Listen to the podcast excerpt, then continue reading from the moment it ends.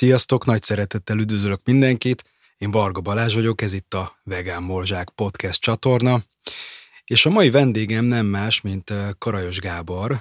Szia, üdvözöllek. Szervusz, én is köszöntöm a hallgatókat. Mm, minden podcast interjúban szoktam arról beszélni egy kicsit, hogy hogyan is ismertem meg a vendégemet. Viszont érdekes, hogy pont a, a te esetedben nekünk nem volt személyes kapcsolatunk, talán mondhatom azt, hogy igazából követtük egymást így a social médián, így az online fölületen, de így ez az első találkozásunk, aminek én nagyon örülök, mert uh, már régebben terveztem, hogy uh, csinálok veled majd egy podcast interjút, úgyhogy ennek különösen örülök, úgyhogy köszönöm szépen, hogy elfogadtad a meghívásomat. Én köszönöm a meghívást. Egyébként szerintem találkoztunk csak ilyen futólag, tehát ilyen rendezvényeken. Lehet, Aha, lehet hogy valamelyik hogy, Vegan Sunday Marketin esetleg, igen, vagy fesztiválon. Igen, szerintem igen, mert hogy én emlékszem, hogy láttalak, csak, csak még így nem kontaktáltunk személyesen. Á, oké. Okay. Na, egyébként hát igen, ugye vannak ezek az események, ami ebben a közegben viszonylag egy szűkebb területet foglal magában, és ott azért a, a területnek, vagy a, az emberek, akik érdekli ezeket a területet, az ugye apraja nagyja olyankor össze igen. szokott gyűlni. Igen. Mm, ugye a közönség téged sok helyről ismerhet, egyrészt az egyik vonal ugye a színészet, mert hogy az eredeti úgymond szakmád, meg amiből sokan ismernek a színészet. És a másik ugye, hogy egy ideje csinálod az úgynevezett vegán hegylakó csatornádat is. Én most a színészetről kevésbé szeretnék beszélni, beszélgetni veled, lehet, hogy majd érintjük. Sokkal inkább a, a vegán hegylakó vonal érdekel, és Igazából a, a vegán hegylakó, mint név, azt sok beszélgetésben és interjúban elmondtad, hogy hogy született meg. Én azt szeretném kérni, hogy arról beszéljünk egy kicsit, meg beszélgessünk, hogy, hogy maga az ötlet hogy született meg, amikor azt mondtad, hogy, hogy szeretnéd megosztani a, a gondolataidat, az életednek egy kis szegletét, tartalmát a nagy közönséggel. Hát ez sokkal egyszerűbb, mint, mint, ami, mint ami ennek gondolják sokan. Az egésznek az alap ötlete az abból származott, hogy amikor én teljesen készületlenül és váratlanul egyszer csak vegánra váltottam, uh-huh. egy ilyen sok hatás alkalmával, akkor akkor belecsúsztam abba a hibába, amiben egyébként nagyon sokan, és szerintem ez valamennyire egy ilyen menetrendszerű dolog az ember életében. Nyilván attól függően, hogy milyen indítatásból vált növényi étrendre, de hogy én ez a véres szájú harcos kezdővegán lettem. Tehát, hogy iszonyatosan felzaklatott az a videó, amit én megnéztem, aminek a hatására úgy ült, álltam föl a székből, hogy, hogy nem fogom tudni az életemet úgy folytatni, ahogy addig. És azt éreztem, hogy ez a, nincsen jobb szavam rá, mint hogy felismerés, de ezt nem szokták szeretni azok, akik még nem ismerték fel ezt a dolgot, mert azt gondolják, hogy ez valami, valami különleges kíváncsi. Igen, meg, meg egy kicsit ilyen, amikor így elkezdenek szektásozni, attól, attól így nagyon nagyon tartok, mert hogyha valami, akkor ez pont nem arról szól szerintem.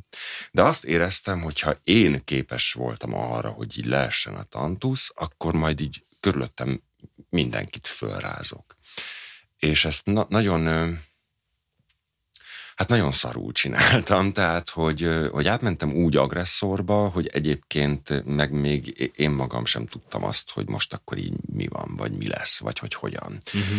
Tehát, hogy megvolt ez az nagyon erős szándék bennem, meg ez az elhatározás, amiről tudtam, hogy ez abszolút végleges, de magát az utat azt tulajdonképpen még éppen csak elkezdtem járni, tehát hogy tök könnyen zavarba lehetett hozni ilyen keresztkérdésekkel, amikkel egyébként ma is zavarba lehetne hozni, mert nem vagyok táplálkozási kutató, ellenben nagyon sok olyan embert ismerek, aki ért ehhez a szegmenséhez is a dolognak, de hogy így, hát tulajdonképpen széttrollkodtam a saját Facebook oldalamat, és akkor akkor Ugye ez egy pár évvel azelőtt volt még, hogy én visszatelepültem volna Pestre, és megtaláltam volna, vagy egymásra találtunk volna így a, a kertemmel, ott a hegyen.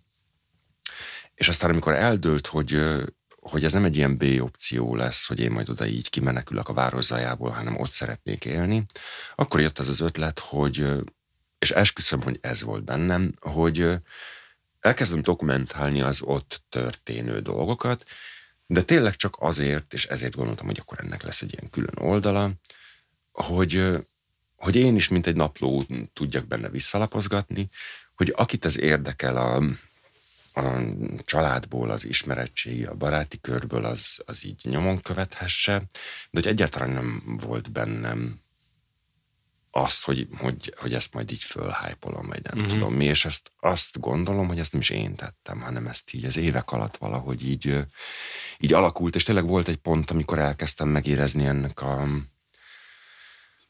a felelősségét, de jó értelemben, tehát nem, nem, nem mint teher, hanem, hanem illetve úgy felelősség, hogy, hogy inkább lehetőség, hogy egy csomó mindenkit meg tudok szólítani talán, aki egyébként így nem feltétlenül csak a vegánság miatt mhm. követi uh-huh. ezt az oldalt. És aztán ez egy ilyen szépen, ilyen lassú vízpartot most alapon alakult, meg alakul a mai napig.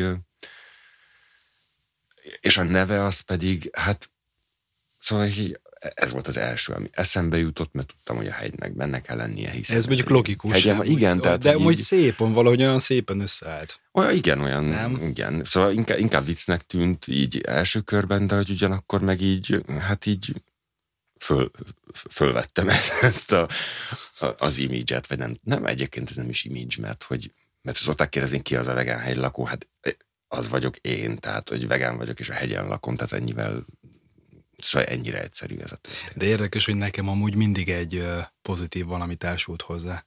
Tehát soha nem az, és nem azért, mert hogy tudtam, hogy ki van mögötte, hanem azért, mert maga a szónak van valahogy egy ilyen pozitív kisugárzása. Ennek örülök. Említetted, hogy ugye az elején még véres szájúként próbáltad megtéríteni az embereket, és mondtad, hogy így az oldaladon volt, hogy élőben is, így személyesen, vagy ez inkább csak így a, az online területre terjed ki? Nem, azért élőben is voltak nagyon kemény meccseim. Illetve így visszamenőleg vicces, tehát hogy, hogy én éreztem akkor azt, hogy így, hogy így beleszakadok abba, hogy nem sikerül ezt a dolgot átvinni, meg és, és talán akkor jöttem rá, hogy ez az egész többet árt, mint használ, amikor rájöttem arra, hogy igen, vannak azok a típusú emberek, akik akik tudnak odamondogatósan hatást elérni, csak náluk nem ez a forró fejűség dominál, ami, ami bennem. Tehát hogy ugye én attól, hogy etikai indítatásból váltottam, egyszerűen tulajdonképpen egy ilyen, egy ilyen lelkiismeret furdalás szerűség volt a, az életemnek azzal a részével kapcsolatban, ahol nem voltam hajlandó felismerni ezeket a dolgokat. És pontosan emlékszem arra, hogy gyerekként mennyi minden zavart, és hogy milyen könnyen elfogadtam azokat a, a válaszokat, amik, amik ezekre a helyzetekre sablonként vannak. Tehát, hogy, hogy ne kelljen ezen gondolkodni. Uh-huh. És, és rájöttem, hogy én, én nem vagyok az a típusú ember, aki, aki ma tud higgadt maradni és higgadtan érvelni. Egyrészt nincsen hozzá, vagy akkor még egyáltalán nem volt hozzá mögöttes tudásom, meg tapasztalatom. Másrészt annyira gyorsan ö, fellobban bennem a tűz, hogyha például azt éreztem, hogy konkrétan gúnyt akarnak űzni belőlem, hogy szóval, hogy na, hogy ez gáz volt. Uh-huh. És aztán rájöttem arra, hogy valószínűleg nem az a típus, vagy nem az a lelki alkat vagyok, aki, aki tud ö, higgadt fejjel szárazon tényleg érvelni. Ellenben azt észrevettem, hogy amikor, amikor nem tudom, kitettem a képet a reggelimről, az ebédemről, a vacsoráról, ott el tudott indulni egy olyasfajta diskurzusam, ahol azt éreztem, hogy, hogy nyitottan állnak a kérdéshez az emberek. És akkor rájöttem, hogy valószínűleg ez az én utam, vagy hogy ebben, ebben tudok úgymond hatékony lenni. Uh-huh. Igen, érdekes, hogy én is ezt tapasztaltam, hogy az a mondás, hogy mutasd meg, hogy ki vagy, és mit csinálsz, és akkor megszeretteted a, a dolgokat, már amennyire kell, vagy lehet. Mm, az elején nekem is volt azért egy kicsit ilyen, amúgy, aztán le kellett, hogy nyugodjak én is. És akkor ez volt az a pont nálad, amikor azt érezted, hogy oké, okay, akkor ez így megfordul.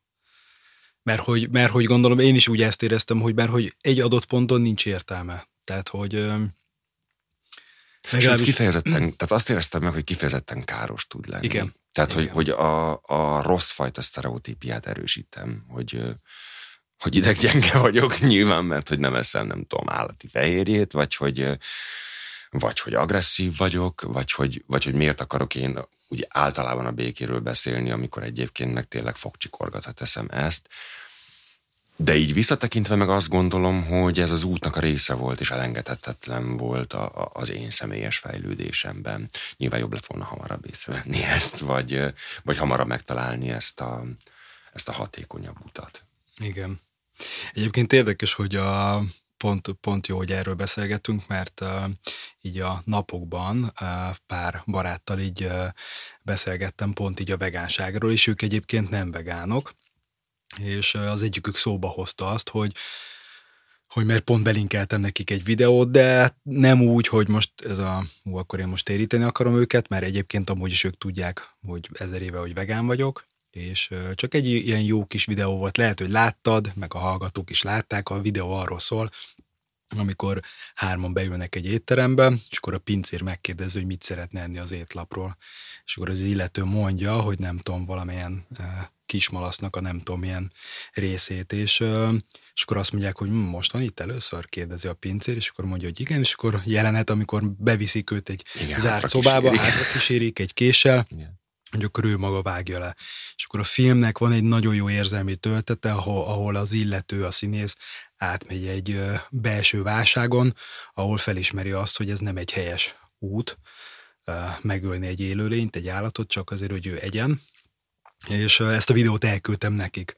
És akkor az egyikük válaszként azt írta, hogy ó, de hát én már gyerekként is előbb voltam disznóvágáson, mint a nagykörültom, és, és igazság szerint a válasz azért nem lepett meg, mert tényleg valójában sokan vannak így, akik így nőttek fel, hagyomány, tradíció, de én azt gondolom, hogy ez az irány egy kicsit ez a, ez a dogmatikus, tradicionális irány, hogy miért ne lehetne változtatni ezen. És akkor én úgy fogalmaztam meg neki ezt a kérdéskört, hogy itt szerintem nem arról van szó, hogy bárki meg tudja tenni, hanem arról, mert hogy fizikailag, fizikailag oda tud állni bárki, aki azt mondják neki, hogy tessék, csináld meg, hanem inkább az, hogy akarod-e. És hogy akarsz-e úgy élni, hogy mert lehet úgy is élni, hogy a nem ártás szándékával. És szerintem talán ez a legfontosabb itt, amikor például így vegánságról is beszélünk, hogy amikor már van egy olyan alternatíva, vagy olyan lehetőség, amikor úgy élhetünk a világban, hogy a nem ártás szándékával, akkor ezt miért ne tegyük meg? Uh, és akkor nyilván elmondtam neki is, hogy oké, okay, de hát a mai világban azért már úgy lehet húst és, és felvágottakat és mindent vásárolni, hogy tényleg bármikor, bárhol, mikor régen a ősanyáink, a nagymamáink, hát az tényleg volt egyszer disznóvágás, nyilván az se volt egy szép jelenet, de az egy évben egyszer volt, vagy max. kétszer, ugye a őszi tél, inkább a téli időszakban, és annyi. Tehát, hogy egy kicsit megfordult a világ, azt gondolom. Nem kicsit fordult meg, hanem nagyon, igen. igen igen, ilyen értelemben. És teljesen máshol vagyunk most, mint régen voltunk. Hát ugye most persze nem vagyok antropológus, és nem, nem vagyok olyan ember, aki nagyon követi a törzsi kultúrákat, de ugye ott a, a húsevés, vagy amikor ugye vadászat volt, ott azon túlmenően, hogy ott nagyon figyeltek arra, hogy a természetből csak annyi állatot öljenek meg és vegyenek el, ami éppen elég nekik. Még ott is egy ilyen mély tisztelettel és bocsánat kérdéssel fordultak a természethez, hogy ezt megtették. Uh, és, hogy, és én e, és erre próbálom kicsit így vezetni az embereket, és hogy, hogy ha most nem is a tudomány és a, a science-based, hogy akkor most mi a jó, mi és mi nem, és mit lehet enni, és meg, meg lehetünk nélküle is, de hogyha egy kicsit ezt az érzelmi, hogy ezt az oldalt nézzük, akkor vegyük azt is figyelembe, hogy, hogy meg lehet tenni már enélkül is, tehát, hogy nem, nem kell ebbe az irányba elmondani. Igen, meg az jutott most eszembe, hogy ezt így mondtad, hogy, hogy szerintem a legnagyobb alapvető baj az ott van, hogy míg a, hogyha így, így mondtad te is, hogy a nagyanyáink, vagy a felmenőink minket említetted, hogy ők egyéb iránt abszolút kapcsolatban éltek a természettel. Tehát, hogy, hogy pontosan tudták, egyébként nekem ez pont ebből a szempontból még durvább, hogy, hogy nekem is volt olyan ismerősöm, aki kézzel nevelt fel állatokat, és, és úgy követték, mint hogyha nem tudom, a, az anyjuk lenne, ezek pont, pont libák voltak, és tényleg nevük volt, és az öléből lettek, és, és látszott rajta, hogy nagyon szereti őket, és pont ezért volt iszonyatosan furcsa az, amikor egyszer csak így láttam, hogy nincsenek már ott az udvaron, és akkor így tök könnyen elmondta, hogy hát eljött a napja annak, hogy így, hogy így elvágja a torkukat, és hogy az valahogy nagyon döbbenetes volt, hogy, hogy ez egy rendszer, ez egy kulturális örökség vagy hagyomány, amit hogyha nem kérdőjelezünk meg, akkor, akkor egyébként tökre nyomható. Biztos vagyok benne. Csak nekem pont ez, a, ez volt a kulcsmondat abban a filmben. Több ilyen kulcsmondat volt ebben a dokumentumfilmben, amit én láttam. Ez a, Ezt ugye most másodszor említett, hogy a... Hogy ez, ez a melyik, szá, 101 ok, hogy a, az igazi Matrix című cucc, ami egy előadás volt. Igen, azt ismerem, igen. És hogy, hogy tök érdekes, hogy hogy pont az fogott meg ebben az egészben, hogy az a csávó, aki ott áll, és lenyomja ezt az előadást felnőtteknek, de egyébként azt hiszem, hogy ezt iskolásoknak szokta megtartani így a, a veganizmusról, hogy attól, ö, attól volt nekem döbbenetes, hogy egyébként egy tök békés, harmonikus ember volt, tehát, hogy ilyen nagyon jó volt a kisugárzása, és olyan kérdéseket tett föl, amitől én így egy pillanat alatt elrösteltem magam, mert pontosan emlékeztem arra, hogy ezek a kérdések foglalkoztattak, ahogy nem tudom, nőttem fel és szocializálódtam. Csak pont ez az, hogy elfogadtam ezeket a kész, előre gyártott válaszokat. És hogy Szóval ez volt az, ami, ami, ami engem így átbillentett, vagy, vagy, vagy ami talán inkább így sokkolt, és ettől volt ez ilyen felismerésszerű. De I- igen, itt a, itt a gondolat vége.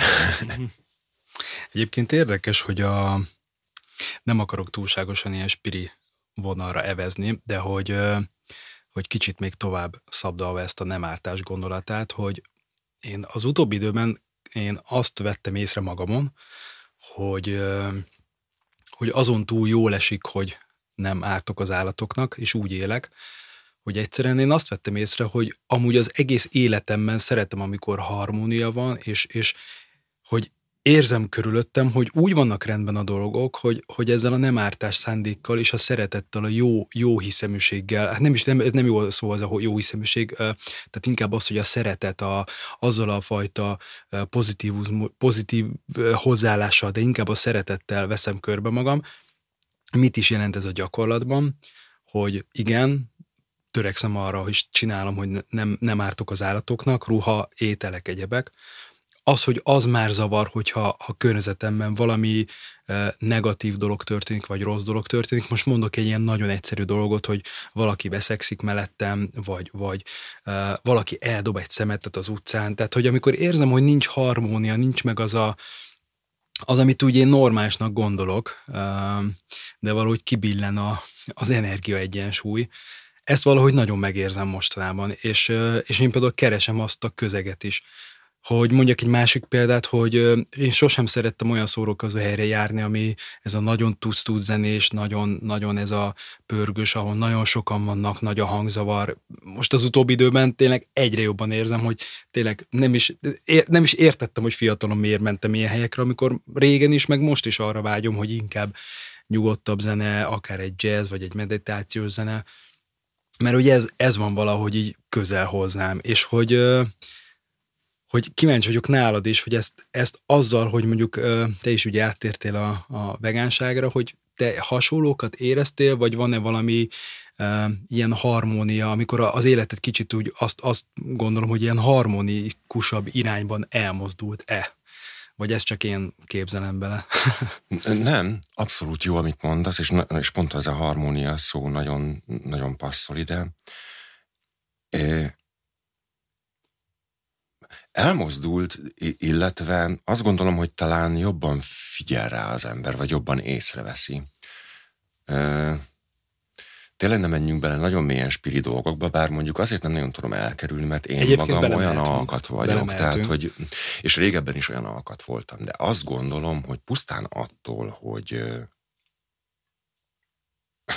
vicces, hogy az ember akar mindig mondani a mondatokat, és, és tudja, vagy nekem így van, van egy ilyen kis ördög a fejemben, vagy ilyen, nem tudom, így ül a vállamon, aki így súgja, hogy majd mit fognak erre mondani. Most ezt ki akartam mondani, hogy attól, hogy nem eszek húst, vagy állatéretű termékeket, tehát így akartam fogalmazni, hogy nem viszek be a szervezetemben szenvedést, és akkor itt jönnek a, a répa is sikít, és a nem tudom, milyen dolgok, a, ami, ami szerintem egy tök, tök másik dolog, illetve szerintem alapvető jegyei vannak annak, hogy egy gyümölcs, egy zöldség, az egyéb termények miért kínálják magukat, tehát miért valók ők arra, hogy, hogy, hogy minket tápláljanak, és, és miért nem való erre mondjuk, nem tudom, egy, egy állatnak a lába, vagy, vagy nem tudom, a belébe töltött földarabolt egyéb testrészeit, tehát hogy így az ember elkezdi ezt így idő után kívülről látni.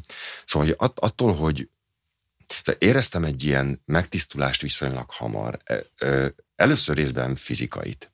Tehát, hogy, és az nagyon döbbenetes volt, hogy így nem, tehát nem gondoltam volna, hogy, hogy De előtte, mielőtt váltottál, mennyire ettél a tehát, hogy inkább ilyen junk food, vagy a, azon belül, vagy inkább amikor vegyes étrenden voltál, azért vegyes étrenden belül törekedtél, hogy jó legyél, vagy, vagy ott amúgy milyen típusú étkezés? Nem törekedtem volt? semmire. Ö, fogyasztottam junk foodot, de nem, nem olyan nagy mértékben, tehát, hogy így nem. A, az volt a szerencsém, hogy én egyébként is viszonylag otthonosan mozogtam a konyhában, tehát, hogy szerettem uh-huh. főzni sütni, ö, igen érdekes dolgokat is így utólag, de hogy így, tehát hogy így hogy így azt éreztem, hogy tök menő, hogy így fickó létemre így nem lehet zavarba hozni egy fakanállal, tehát ilyenre kifejezetten büszke voltam. És aztán amikor így jött ez a fotelből való felállás, hogy oké, okay, akkor ezt itt tovább nem, akkor volt a nagy para, hogy oké, okay, de akkor így mit fogok enni című, és akkor gyorsan ö, rácsimpaszkodtam a vegán és vegetáriánus ismerőseimre, hogy hello, akkor most itt segítsetek, és ez, ez a zavar, ez kb. egy hétig tartott, amíg így mhm. rájöttem, hogy innentől fogva nekem a, nem tudom, a, a gyors étterem az a zöldséges, ami kialakult az, hogy egyébként sokkal jobb, hogyha előre készülök helyzetekre, mint hogyha akkor éhesen nyüglődöm valahol, mert hogy így nem tudok mit tenni. Tehát, hogy akkor így elkezdtem így, nem tudom, banánfürteket hordani magammal, meg aszalványokat, nem tudom. És aztán elkezdtem így felfedezni a, a, a, növényi alapú étrendnek a konyhai oldalát, ami meg aztán kifejezetten így elvarázsolt. Tehát, hogy az egy ilyen nagyon-nagyon nagy kaland volt. De hogy akkor jöttem rá, amikor így eltelt már pár hónap, hogy egyébként lehet, hogy tök büszke voltam magamra, de szerintem konkrétan 15, maximum 20 ételt készítgettem ilyen vetésforgóban. Tehát, hogy változatosnak semmiképpen nem nevezhető, ha akkor megkérdez valaki arról, hogy mi jut eszembe arról a szóról, hogy köret, akkor mondjuk így a krumpli, meg a rizs, meg mondjuk így, nem tudom, így a tészta, tehát ilyen, és hogy ezt nem szokták elhinni, de egyrészt sokkal változatosabban táplálkozom, tehát valóban, hogyha csak az alapanyagok mennyiségét nézem, és itt nem arra kell gondolni, hogy nem tudom, ilyen úri huncutságokat, meg ilyen exotikus dolgokat vásárolok nagy tételbe, amik átutazzák a félvilágot, mert szerintem teljesen fölösleges, tehát hogy így szerintem minden van itt elérhető környezetben és most az utóbbi időben abszolút próbálok is arra figyelni, hogy, hogy a, az étkezéseimnek a bázisa az mindenképpen idény növény legyen, tehát hogy aminek, aminek egyébként szezonja van, mert ez aztán még jobban megegyszerűsíti ezt a dolgot. De hogy azt vettem észre, hogy, hogy viszonylag hamar, egy-két héten belül sokkal nyugodtabb lettem, mondjuk előtte sem voltam olyan nagyon, nagyon ideges típus, de hogy úgy, illetve azt tapasztaltam még, hogy sokkal könnyebben kipihenem magam, sokkal jobban tudok feladatokra koncentrálni, és Nyilván az ember ilyenkor így várja tényleg azt, meg ugye hát így paráztatják, hogy hiánybetegségei lesznek, és majd el fog ájulni az gyengességtől, nem tudom mi. És pont ennek az ellenkezőjét éreztem, hogy így azt éreztem, hogy így muszáj volna valamit csinálnom, mert hogy így túltánk bennem az energia.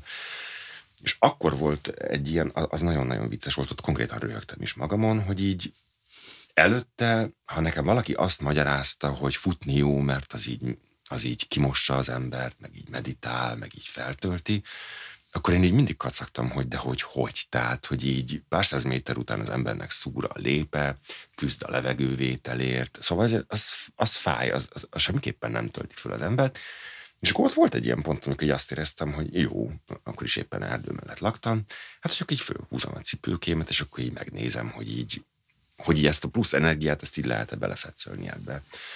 És nagyon durva volt, mert hogy tényleg így az első pár száz méter után így kb. így, nem tudom, sírva tudtam volna hányni az árokba, de azt meg megéreztem, hogy, hogy ezzel így dolgom van, és akkor így viszonylag hamar, tehát ilyen egy-másfél hónap után eljutottam arra a szintre, rájöttem arra, hogy igen, ha ezt a saját tempómban teszem, ha magamra figyelek közben, meg a kiskutyára, aki szalad mellettem, és, és lealáz lépten nyomon, pedig csak egy ölem, de hogy, hogyha az erdőre figyelek, ha, ha Szóval, hogyha egyszerűen figyelek, akkor ez, akkor ez igenis tud hasznos lenni, igenis tud jó lenni.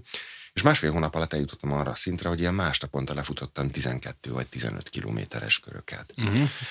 És ennek egyetlen egy hátulütője volt, hogy nyilván ilyen alkat vagyok, vagy ilyen a berendezkedés, hogy elkezdtem nagyon-nagyon lefogyni, és akkor azt éreztem, hogy ezt most egy kicsit így elengedem ezt a dolgot, és valami más mozgásformák után nézek, mert hogy azt nem akartam, hogy így újra mutogassanak rám, hogy na és tessék, itt van a csak salátát, és füvet eszik, meg répát, és akkor ilyen ez van. És aztán ez, csak, ez az energia többet, ez csak az egyik része volt. A, a másik meg az, hogy Hát voltak ilyen fizikai dolgai is, pont így a futás kapcsán vettem észre például azt, hogy teljes mértékben megváltozott a testszagom, ez is ilyen nagyon döbbenetes uh-huh. élmény volt. Illetve úgy az egyéb érzékeim, azok így, vagy érzékelői berendezéseim így felerősödtek, és és akkor még ment ez a harcos cucc, de hogy, hogy például már ott is így feltűnt egy idő után, hogy, meg ugye szokták ezzel a váddal is illetni a vegánokat, hogy persze most még így az állatokkal foglalkoznak, amikor mennyi ember is szemben a Földön. Én például az emberekkel is sokkal empatikusabb és elfogadóbb lettem. Persze nyilván vannak helyzetek, amikor így az embernek nehéz tartani ezt az empátiát, de hogy, de hogy könnyebb, mint mondjuk régebben. Tehát, hogy én szerintem egyszerűen meg kell találni azt a, azt a közlekedési módot, amit lehet úgy jól csinálni, hogy, hogy nem sérül benne senki, és tényleg mondjuk így példát is tudsz mutatni. A másik fele pedig az, hogy hogy valahogy az is jött ezzel az egésszel, hogy elkezdtem magamra is sokkal jobban odafigyelni, és nem csak fizikai szempontok alapján, hanem, hanem így igenis időnként, vagy ilyen rendszerességgel megvizsgálgatom azt, hogy egyébként mi van velem, hogy egyébként merre tartok, egyébként, egyébként hogy érzem magam, és hogy, hogy szerintem ez nagyon fontos lenne. Amúgy is. Főleg úgy, hogy tehát, hogy az embereknek a, a, az öme az ugye úgy él, vagy, vagy, vagy arra van kényszerítve, hogy úgy éljen, hogy, hogy, hogy teljes mértékben elszakad a, a környezetétől, vagy a természettől magától. És én nekem például ez is egy iszonyú nagy flash volt, amikor, amikor végleg kiköltöztem a hegyre, hogy rájöttem, hogy, hogy az idő az, az nem egy, egy ilyen tempó, tehát ez nem az, hogy már persze van ez a mérhető része, de amit te abból felfogsz, vagy feldolgozol, az, az tud teljesen más tempóban haladni gyorsabban, lassabban, pillanatok előtt telnek el napok, vagy órák, vagy, vagy éveknek tűnnek percek, hogyha arról van szó, és hogy így, hogy így ez volt az első ilyen nagy flash illetve az, hogy, a, hogy az időnek a hosszabb egységei is, hogy a, hogy a, a napszakok, a, a hetek, a, az évszakok változása, tehát hogy, hogy van egy olyan természetes tempója ennek, amit hogyha egyszerűen el, elfelejtesz, vagy, vagy lecuppansz róla, akkor ott nagyon nagy zavarokat tud okozni az emberben. És például tök érdekes, hogy ez így a hegylakóság után tűnt föl nekem, vagy miután így elkezdtem ott kint élni, hogy most ez így vicces, de hogy sokkal jobban megzavart utána az, amikor mondjuk intenzíven dolgoztam, nem tudom, színházba, vagy, vagy vagy éppen a sorozatban is, amikor nem természetes fények között fekete díszletben állok, és, az nagyon vicces volt, ott is így, ott is így kacagtam egy út magamon. Ugye egy pár éven keresztül a, a barátok stábját erősítettem, és volt egyszer egy olyan napom, ami nagyon durva, nagyon sok jelenetem volt egymás után, és volt két jelenetnyi szünetem, és akkor az volt, hogy így jó, akkor most így gyorsan így egy picit így kiülök tényleg így az udvarra. És egyszer csak azon kaptam magam, hogy nem, nem az udvarra mentem ki, hanem a díszletben lévő udvarra ültem, ami egyébként nem a szabadtére van, tehát hogy ez is egy bevilágított hely, és így ülnögéltem ott a padon, és így akkor jöttem rá, hogy édes jó Istenem, hogy ez mennyire durva dolog, hogy így azon túl, hogy az ember a hivatása miatt így így magából dolgozik, vagy az érzéseiből, a, a, meg nyilván a, a fizikális mi voltából is, de hogy így, hogy így tényleg így átcsúszik egy ilyen másik világba. Szóval, hogy így nagyon, nagyon sok változáson mentem keresztül, de azt gondolom, hogy egyébként az ember amúgy is folyamatosan változáson megy keresztül, csak, csak van olyan, hogy nem veszi ezt észre, mert a körülmények nem olyanok. Uh-huh. Tehát nekem például kifejezetten igényem lett azóta ilyen, ilyen én időkre, ami most egy ilyen divatos szó, és, és mindenféle társítunk hozzá, én nekem bőven elég egy szék hozzá, néha még a se kell, vagy csak, csak hogy így leüljek, vagy megálljak egy ilyen 5-10 percre, vagy. Igen, ezek ilyen, ezek ilyen érdekes dolgok. És akkor persze szokott jönni az a, az a része is, amikor valakinek így próbálsz a nem átásról beszélni, hogy jön jön vissza, és pontosan tudom, hogy ezek a, ezek a sablon mondatok, ezek, ezek egy ilyen védelmi mechanizmusnak a, a, a kelléktára. És azért nem hoznak zavarba, mert hogy ezeket, ezeket mind én is éveken keresztül hajtogattam. Tehát, hogy sőt, én azt még ostobaságokat is mondogattam, tehát én azt kampányoltam azzal, hogy az ember ragadozó. Most ez így utólag nagyon vicces, tehát még csak nem is így a mindenevő részével, de hogy, hogy hát igen, hogy Szóval nem ártásra szokták azt mondani, hogy jó, de hogy nem, nem tudsz úgy élni, hogy ne ártsál. És hogy ez valóban igaz, hogy például ahhoz, hogy én nem igen, tudom... Igen, de lehet törekedni rá. A, igen, tehát igen. Hogy, így, hogy így tudom arra, hogy, hogy vagy, vagy tudok arra figyelni, hogy, hogy egyébként tényleg, amikor mondjuk a kertben végzek munkát, és, és nem tudom, valamiért muszáj a talajt megpiszkálnom, mert valamit szeretnék elültetni, vagy valamit szeretnék kiszedni, hogy, hogy hát igen, hogy az ember akaratlanul is végez mások életével, de hogy például meg, megtanultam így bocsánatot kérni ezért, vagy nyilván rajta ez nem segít, csak hogy így én, én nekem így én nekem így segít, segíti a fókuszt azon tartani, hogy egyébként törekszem arra, hogy, hogy, hogy ilyen ne történjen. Igen. Ugye hát van, a, van az a véglet, amikor úgy tudom, hogy a buddhista szerzetesek például csinálnak olyat is, hogy amikor söpörnek maguk előtt, akkor igen, részben igen, azért igen, is söpörnek, igen. hogy semmilyen élőlényre ne lépjenek rá. Hát igen. Nem, nem gondolom azt egyébként, hogy ez véglet. Tehát, hogy a végletesnek igen, tűnhet igen, sok, igen. sok helyről, de, de hogy... hogy amúgy van, van, benne, van benne logika. Abszolút, igen. Amikor eldöntötted, hogy kiköltözöl a hegyre, a természetben, akkor volt-e bármilyen, hát nem is úgy kérdezem, hogy hát ilyen aggodalom, félelem, jó lesz, nem lesz-e jó, um, vagy már annyira erősen érezted a hívást, hogy ez, ez a tuti, és hogy uh, ott kell, hogy legyél. Um, hát olyannyira, hogy, hogy ezt nem én döntöttem el, hanem a hegy. Tehát, hogy ez ilyen nagyon érdekes dolog. Illetve az hozzátartozik, hogy én amikor visszatelepültem Budapesten, ugye szabadúszó lettem tizenpár éve, és akkor azzal egy időben a székhelyemet áttettem vidékre, egy Kaposvár melletti kis faluban történt az én természet közelliséggel való megfertőződésem. Tehát, hogy ott jött ez. Egyébként én egy panelgyerek vagyok, tehát hogy nem gondoltam volna, hogy így hogy, hogy így e, erre fele sodródik az életem, de, de hogy az igény az amúgy is megvolt bennem, amikor, tehát amikor visszatelepültem Pestre, egy ilyen hét év ilyen álomhelyen való lét után, visszacsöppentem a nyolcadik kerületbe, akkor ott viszonylag hamar éreztem, hogy ez nem fog tudni már hosszú távon működni, mert hogy így ab, abból baj lesz tényleg. És tehát, mi, mit éreztél? Azt, hogy megbolondulok. Tehát, hogy így ö, ö, Egyáltalán nem, nem találtam a, a helyemet. A, mondjuk így azon a 25 négyzetméteren kívül, a, ami a, a, a lakásom volt akkor éppen. Tehát, hogy így nem, Nincsen semmi bajom azzal, hogyha közlekednem kell, vagy tömegközlekedem is sokszor, de hogy azzal a tudattal tenni ezt, hogy egyébként utána hazamegyek, és nyugi lesz, az, az, az nagyon megkönnyíti ezt az egészet.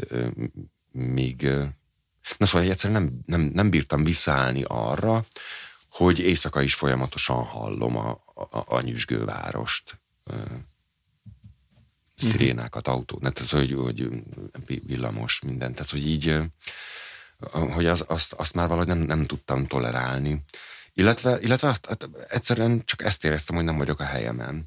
És pont ezért egyébként, amikor így ez az igény kialakult bennem, hogy, hogy muszáj újra valahogy így, valahogy így föld közelhez kerülnöm, igen, konkrétan valami kis citromfüveket, mentákat, nem tudom, dugdostam cserepekbe, hogy legalább így a körmöm alatt legyen egy kis föld. És akkor elkezdtem keresni, akkor tényleg az volt bennem, hogy akkor egy ilyen B opció lesz ez, tehát hogy egy ilyen hétvégi ház, vagy, vagy egy olyasmi, ahova így, ahova így ki lehet menekülni ebből az egészből. Csak aztán ez annyira, szóval annyira jó sikerült ez a választás, ami tényleg nem az én, én döntésem volt, hanem ez, ez egy, ezt azóta is egy ilyen elrendelésnek gondolom, hogy, hogy így rájöttem, hogy nem fogom tudni ezt a helyet így ott hagyni. Tehát, hogy így akkor így mindent egy lapra feltenni. De valahogy ez annyira magától értetődő volt, hogy ebb, tehát ebből a szempontból egyáltalán nem voltak bennem félelmek, meg, meg így a mai napig nincsenek.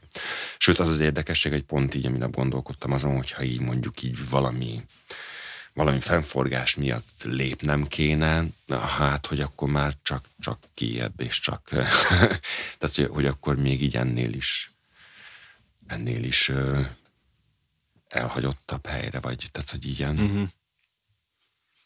Érdekes amúgy, hogy a képzeld el az utóbbi fél évben nagyon sok barátomtól hallom ezt, hogy így kiköltözni, kimenni, uh, megyek társágban, ott is így valahogy így nagyon ráhangolódom ezekre a beszélgetésekre, vagy egyszerűen is bevonzom ezeket, ahogy ezzel a szóval élve bevonzom ezeket a beszélgetéseket, ahol a, a fiatalok, tehát tényleg ez a akár 25-30-35 évesek már érzik azt, és szeretnének kimenni a városból. Ami régen, hát nem tudom, hogy régen mennyire volt jellemző, de azt gondolom, hogy kevésbé, tehát sokkal inkább... Hát akkor vagy, talán pont fordítva volt. Igen, talán mindenki pont fordítva. Aztán lehet, hogy a pandémia miatt is, de hogy nem gondolom, tehát hogy, hogy akikkel beszélgettem, ők nem ezt hozták fel indokként, hanem egyszerűen csak az, hogy érzik a hívást, hogy szívesen Én szerintem alakulóban van valami illetve Igen. nagyon bízom benne, és én nekem egyébként ez, amit mondasz, ez abszolút így van, és ami sokkal nagyobb öröm ennél, hogy nem csak a fiatalokon látom ezt. Uh-huh. Tehát, hogy ugye most nyáron már úgymond megnyílt a kert, tehát voltak mindenféle programok, amitől először kicsit tartottam, hogy, hogy ez most jó vagy nem, és így utólag annyira hálás vagyok, hogy így hogy így ezt mertem meglépni, mert elképesztő találkozások születtek, nem, nem csak velem, hanem az odalátogatók egymással is. Tehát, hogy, hogy nagyon, nagyon érdekes, hogy tényleg a hasonszörű a hasonszörűt vonzza, uh-huh. a vonzás törvénye alapján, és ott azt tapasztaltam meg, hogy igenis nagyon sok olyan ember van, aki 60 vagy 70 fele egyszerűen rájön arra, hogy, hogy már pedig nincs vége még az életének, és hogy, és hogy igenis tud érdemben változtatni, és, uh-huh. és meg tudja valósítani az álmait, és egyre több embernek tényleg az az álma, hogy, hogy valahogy erősebb kapcsolatban legyen a, a, uh-huh. a természettel vagy a környezetünkkel. Igen, itt érdemes a hallgatóknak elmondani, hogyha jól tudom, akkor ez úgy történt, hogy ugye te folyamatosan posztolsz képeket, meg, meg írásokat arról, hogy mi történik a kertben, mit csinálsz, és ha jól tudom, akkor jött, jött pár olyan kérés vagy kérdés, hogy ezt meg lehet-e nézni. Ha jól tudom, akkor valahogy így alakult, és, és akkor volt egy döntésed, hogy végül is miért ne de amúgy is terveztem ezt, tehát hogy én magam is elindultam ilyen a nagy közönségnek. aknamunkát folytattam, tehát hogy én magam is meglátogattam egy pár ilyen nyitott kertet. Uh-huh. Csak az volt az érzésem, gyönyörű helyeken jártam, hogy hogy ahhoz, hogy, hogy, hogy ez az egész, tehát hogy az én fejemben, az én kertemről van egy nagyon éles kép, és még bőven nem ott tart. De hogy pontosan tudom, hogy ez még évek. Tehát, hogy most lesz hét éve, hogy, hogy, hogy ott elkezdtem, elkezdtem belepiszkálni abba, abba a kertbe, ami egyébként... érzed? Nem, azt gondoltam, hogy ez még nem az, ami az én fejemben van. Aha. De ugyanakkor meg egy csomó olyan visszajelzés, visszajelzés jött barátoktól, ismerősöktől, vagy kollégáktól, akik, akik nem tudom, eljöttek hozzám, hogy így rájöttem, hogy, hogy, hogy el is tudom mondani egyébként, hogy ami a fejemben van, az, az még egy kicsit arrébb van, de hogy már azért elindult az a fajta változás, amit én vittem ebbe a, ebbe a kertbe. És hogy egyszerűen én csak azt gondoltam, hogy ez majd később, kés, később fog alakulni.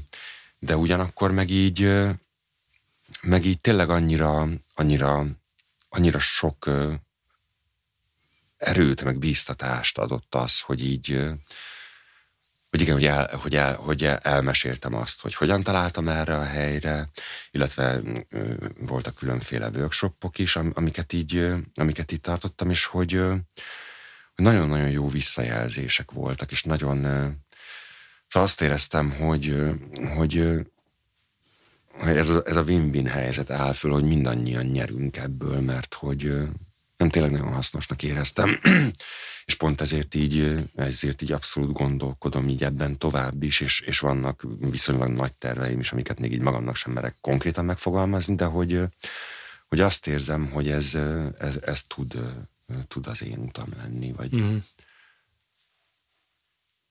Erről tudod, mi jutott eszembe? Csak így hirtelen bevillant, hogy milyen érdekes, hogy a, hogy a mai fiatal, aki felnő, az teljesen normálisnak tartja, hogy tudja, hogy kell használni az iPad-et, a telefont, a számítógépet, a modern kütyüket, de amikor megkérdezett tőle, hogy egy répát hogy kell elültetni, akkor azért szerintem elgondolkodna. Amit nem mondok, hogy jó vagy rossz, mert nyilván a, a modern világban azért megvan a helye és a szerepe, hogy egy technikai kütyűhöz is ért egy fiatal. Igen, mert például rá tud googlizni hogy... a répavetésre, és az igen, már tök jó. Igen, az tök jó, de hogy mégis, ha belegondolunk, akkor azt valahogy tényleg úgy, úgy ember közelépnek érzem azt, hogy, hogy egy olyan természetes dolgot, hogy egy, mondjuk egy répát hogy kell elültetni, az olyan, mint amikor ma a fiatalt megkérdezett, hogy na jó, de hogy kell, nem tudom, Spotify-t hallgatni, és akkor jaj, de béna, hogy ezt nem tudod. Tehát, hogy azt gondolom, hogy tehát, hogy voltak olyan időszakok az életben, amikor, amikor egy répa ültetésre is így gondoltak az emberek, hogy jaj, de béna vagy, hogy ezt nem tudod. És ugye mennyire elkanyarodtunk ettől a, a természetes dologtól, és lehet, hogy lehet, hogy az ember önmaga, amikor visszatalál a természetbe, lehet, hogy ezt megérzi hogy amúgy ez, ez valahogy közelebb van az emberhez ez a fajta érzés, tudás. Nem tudom, hogy mit gondolsz róla. Ez abszolút így van. Én nekem a, a legutóbbi sokkot az, az a felismerés okozta, hogy, és ott ráadásul nem gyerekekről, hanem abszolút ilyen 30-es, 40-es emberekről volt szó, egy ilyen csapatban beszélgettünk, és akkor egy pont így, a, hogy a szezonális dolgok azok mennyi, tehát mennyivel jobb, hogyha tényleg olyat fogyasztasz, ami éppen akkor a te környezetedben amúgy terem. És hogy ott valahogy így szóba került a paradicsom, mint olyan, és hogy döbbenetes volt, hogy egy-két ember egyáltalán nem tudta megmondani, hogy annak egyébként mi a, a szezonja a paradicsomnak. Uh-huh. És akkor így, tudod, így nem értettem, a, hogy ez most így hogy van, és aztán rá kellett jönnöm, hogy hiszen világ életében, nem tudom, szupermarketekben vásárol, tehát még csak nem is a piacon,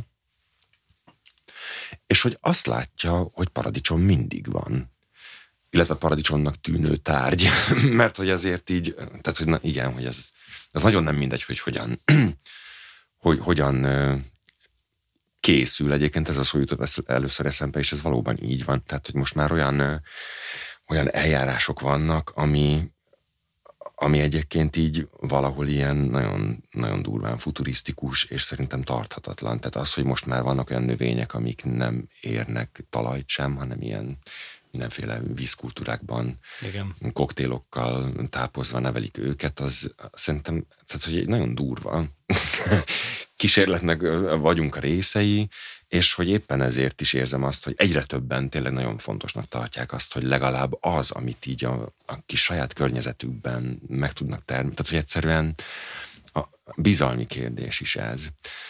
Illetve, illetve pont annak a felismerése, hogyha az ember talál egy ilyen visszautat a, olyan hülyén, meg ilyen romantikusan hangzik, hogy így a természetről beszélünk, mint olyanról, de hogy be kell látnunk, hogy nem tudunk elszakadni tőle. Tehát, hogy no, illetve hát el tudunk, de, csak annak de értem, ára van. Értem, értem, mire gondolsz, mert, mert... Nem csak ilyenkor mindig beugrik, tudod, hogy itt ül a kis ödög, és mondja, nem, hogy ezek a sötét zöldek megint miről beszélnek, Tudom, és maga a sötét zöld kifejezés jön nekem, hogy hát én, ha lehetne, akkor én lehet, tehát tök szívesen ennek a legsötétebb zöld, ami, szóval, hogy így egyáltalán nem. Mert ez, mert ez nagyon, én tudom, mire gondolsz, mert ez egy nagyon ilyen, megint most én nem szeretem a, a spiri szót, mert ugyanúgy, hogy a vegán szót sem, mert ezek ilyen címkék, de hogy, de hogy az ilyen emberek, akik ezt kérdőjelezik meg, azok vagy nem érzik, vagy nem, nem, nem tud, menjenek ki a természetbe, egyszerűen csak nem, nem is kertbe kell, egyszerűen csak menjenek el a szimplán csak a normafára, ami még nem is az igazi erdő, úgymond, bár erdő, de hogy mégsem Igen. az a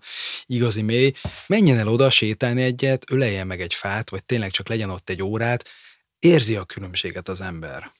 Illetve éreznie kéne. Éreznie kéne. Már... Ha nem érzi, akkor az sokszor azért is van, mert még túlságosan pörög. Abszolút, igen. És hogy még, mert az nyilván ehhez is kell egy lecsendesülés, hogy, a, hogy megérezzük a mm, Hát meg hajlandóság, meg fogékonyság.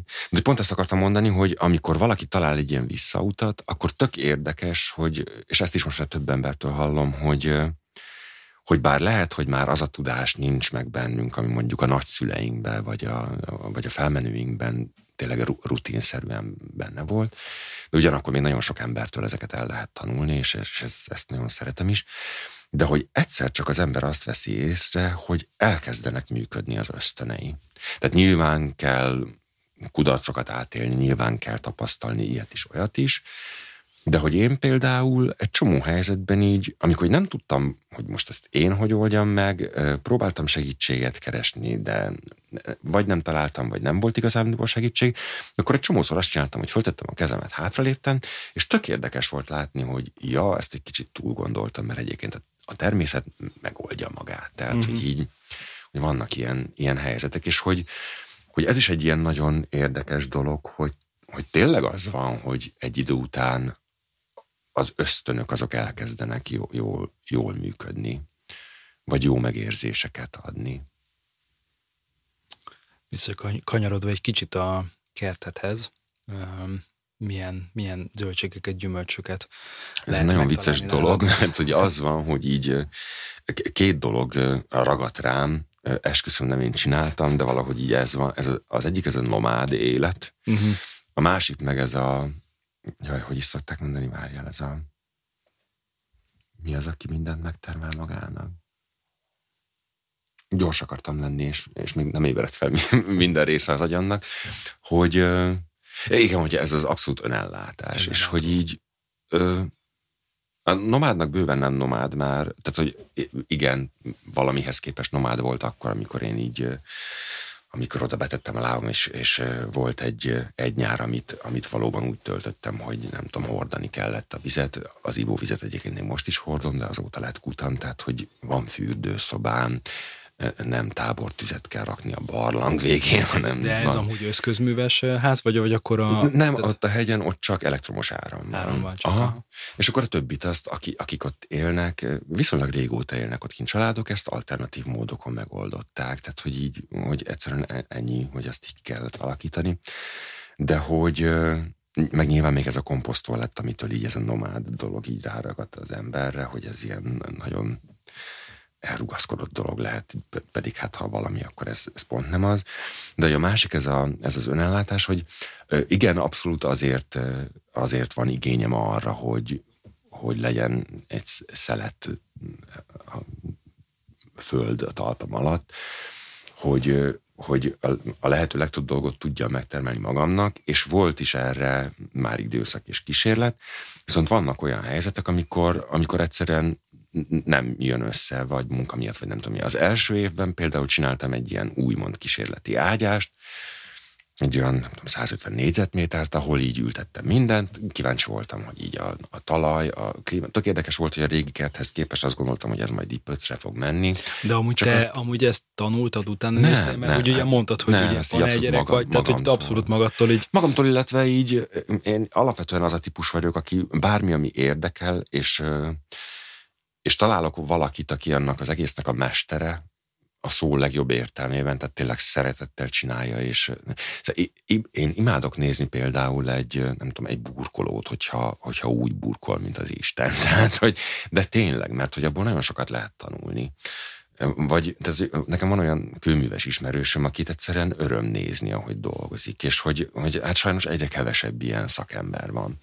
De de hogy igen, hogy voltak, voltak helyzetek, amikor nem tudom, odaálltam valaki mellé, és akkor lástam, hogy hogyan, hogy hogyan bíbelődik, megkérdeztem. Tehát, hogy, hogy igen, meg így utána néztem, tanultam. Meg nagyon sokat tapasztaltam így a saját hibáimból is, de a legnagyobb flash az az volt, hogy így lehet, hogy én nekem volt egy ilyen 7 éves tapasztalatom egy ilyen kert kialakítással, de hogy azt, azt így azt így el lehetett felejteni, mert hogy itt, itt konkrétan ez egy, az egy völgyben volt ez a kert, ez meg egy hegyen van, teljesen uh-huh. más mikroklímával, meg mindennel, teljesen más növények érzik jól magukat, illetve ez egy, ez egy gyümölcsös, amit végül megvettem, tele velem egykor gyümölcsfákkal, és ő hozzájuk például még soha nem volt közöm, és akkor ezt is most itt tanulom, de mivel amúgy is elhagyatott tanált ez a kert öt éven keresztül, ezek a fák most így edződnek ehhez, tehát hogy én így folytattam ezt az úgymond elhanyagolást, tehát nem álltam neki újra nem tudom, vegyszeres permetezésnek, mert hogy egyrészt én magam is tartok tőle, meg hogy tényleg nem, tehát hogy ezt szeretném elkerülni, amennyire csak lehet.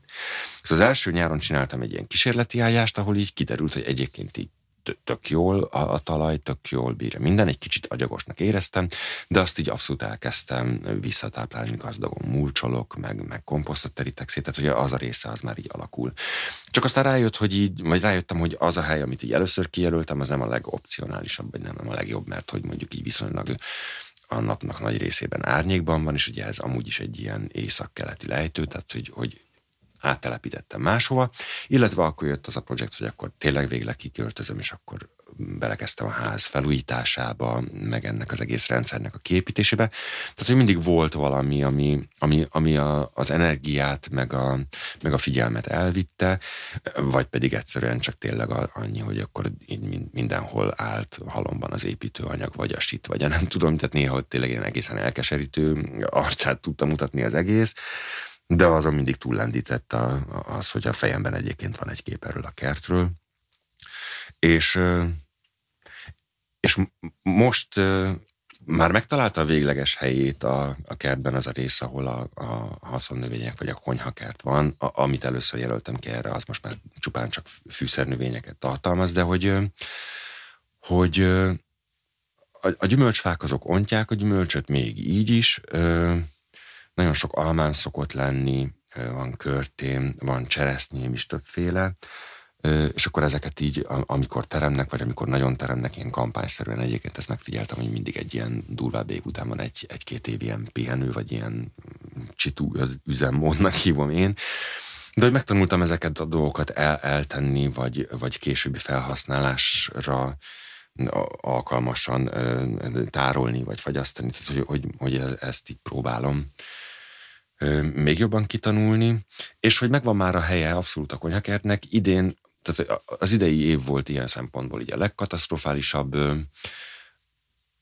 Vetettem valamiket tavasszal, abból szerintem azt hiszem talán csak a borsót találtam meg így a, a természet által visszahódított területről, illetve abszolút megcsúszva, tehát tulajdonképpen már amikor lassan teremnie kellett volna a paradicsomoknak, akkor kaptam nagyon nagy mennyiségben ilyen érdekes paradicsomokat, amik azért nagyon jók, mert hogy egy utcával följebb, tehát hogy onnan a hegyről származik. Ezek nem egy ilyen tehát nem ilyen magból ö, palántázott ilyen hibrid cuccok, hanem ezeket már tíz éve ott ilyen magfogással mindig visszagyűjtik, tehát hogy, hogy, hogy tél, tényleg nagyon jófajta paradicsomok, és van köztük ilyen izgi is, fekete, meg narancsága.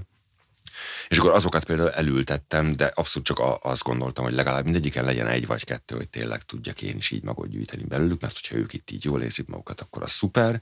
És ehhez képest így, bár tényleg nagyon későn, de abszolút termőre is fordult mindegyik, tehát hogy kóstolni is tudtam belőlük, de hogy hát azért annak a nagy részét azt most csak zölden tudtam eltenni.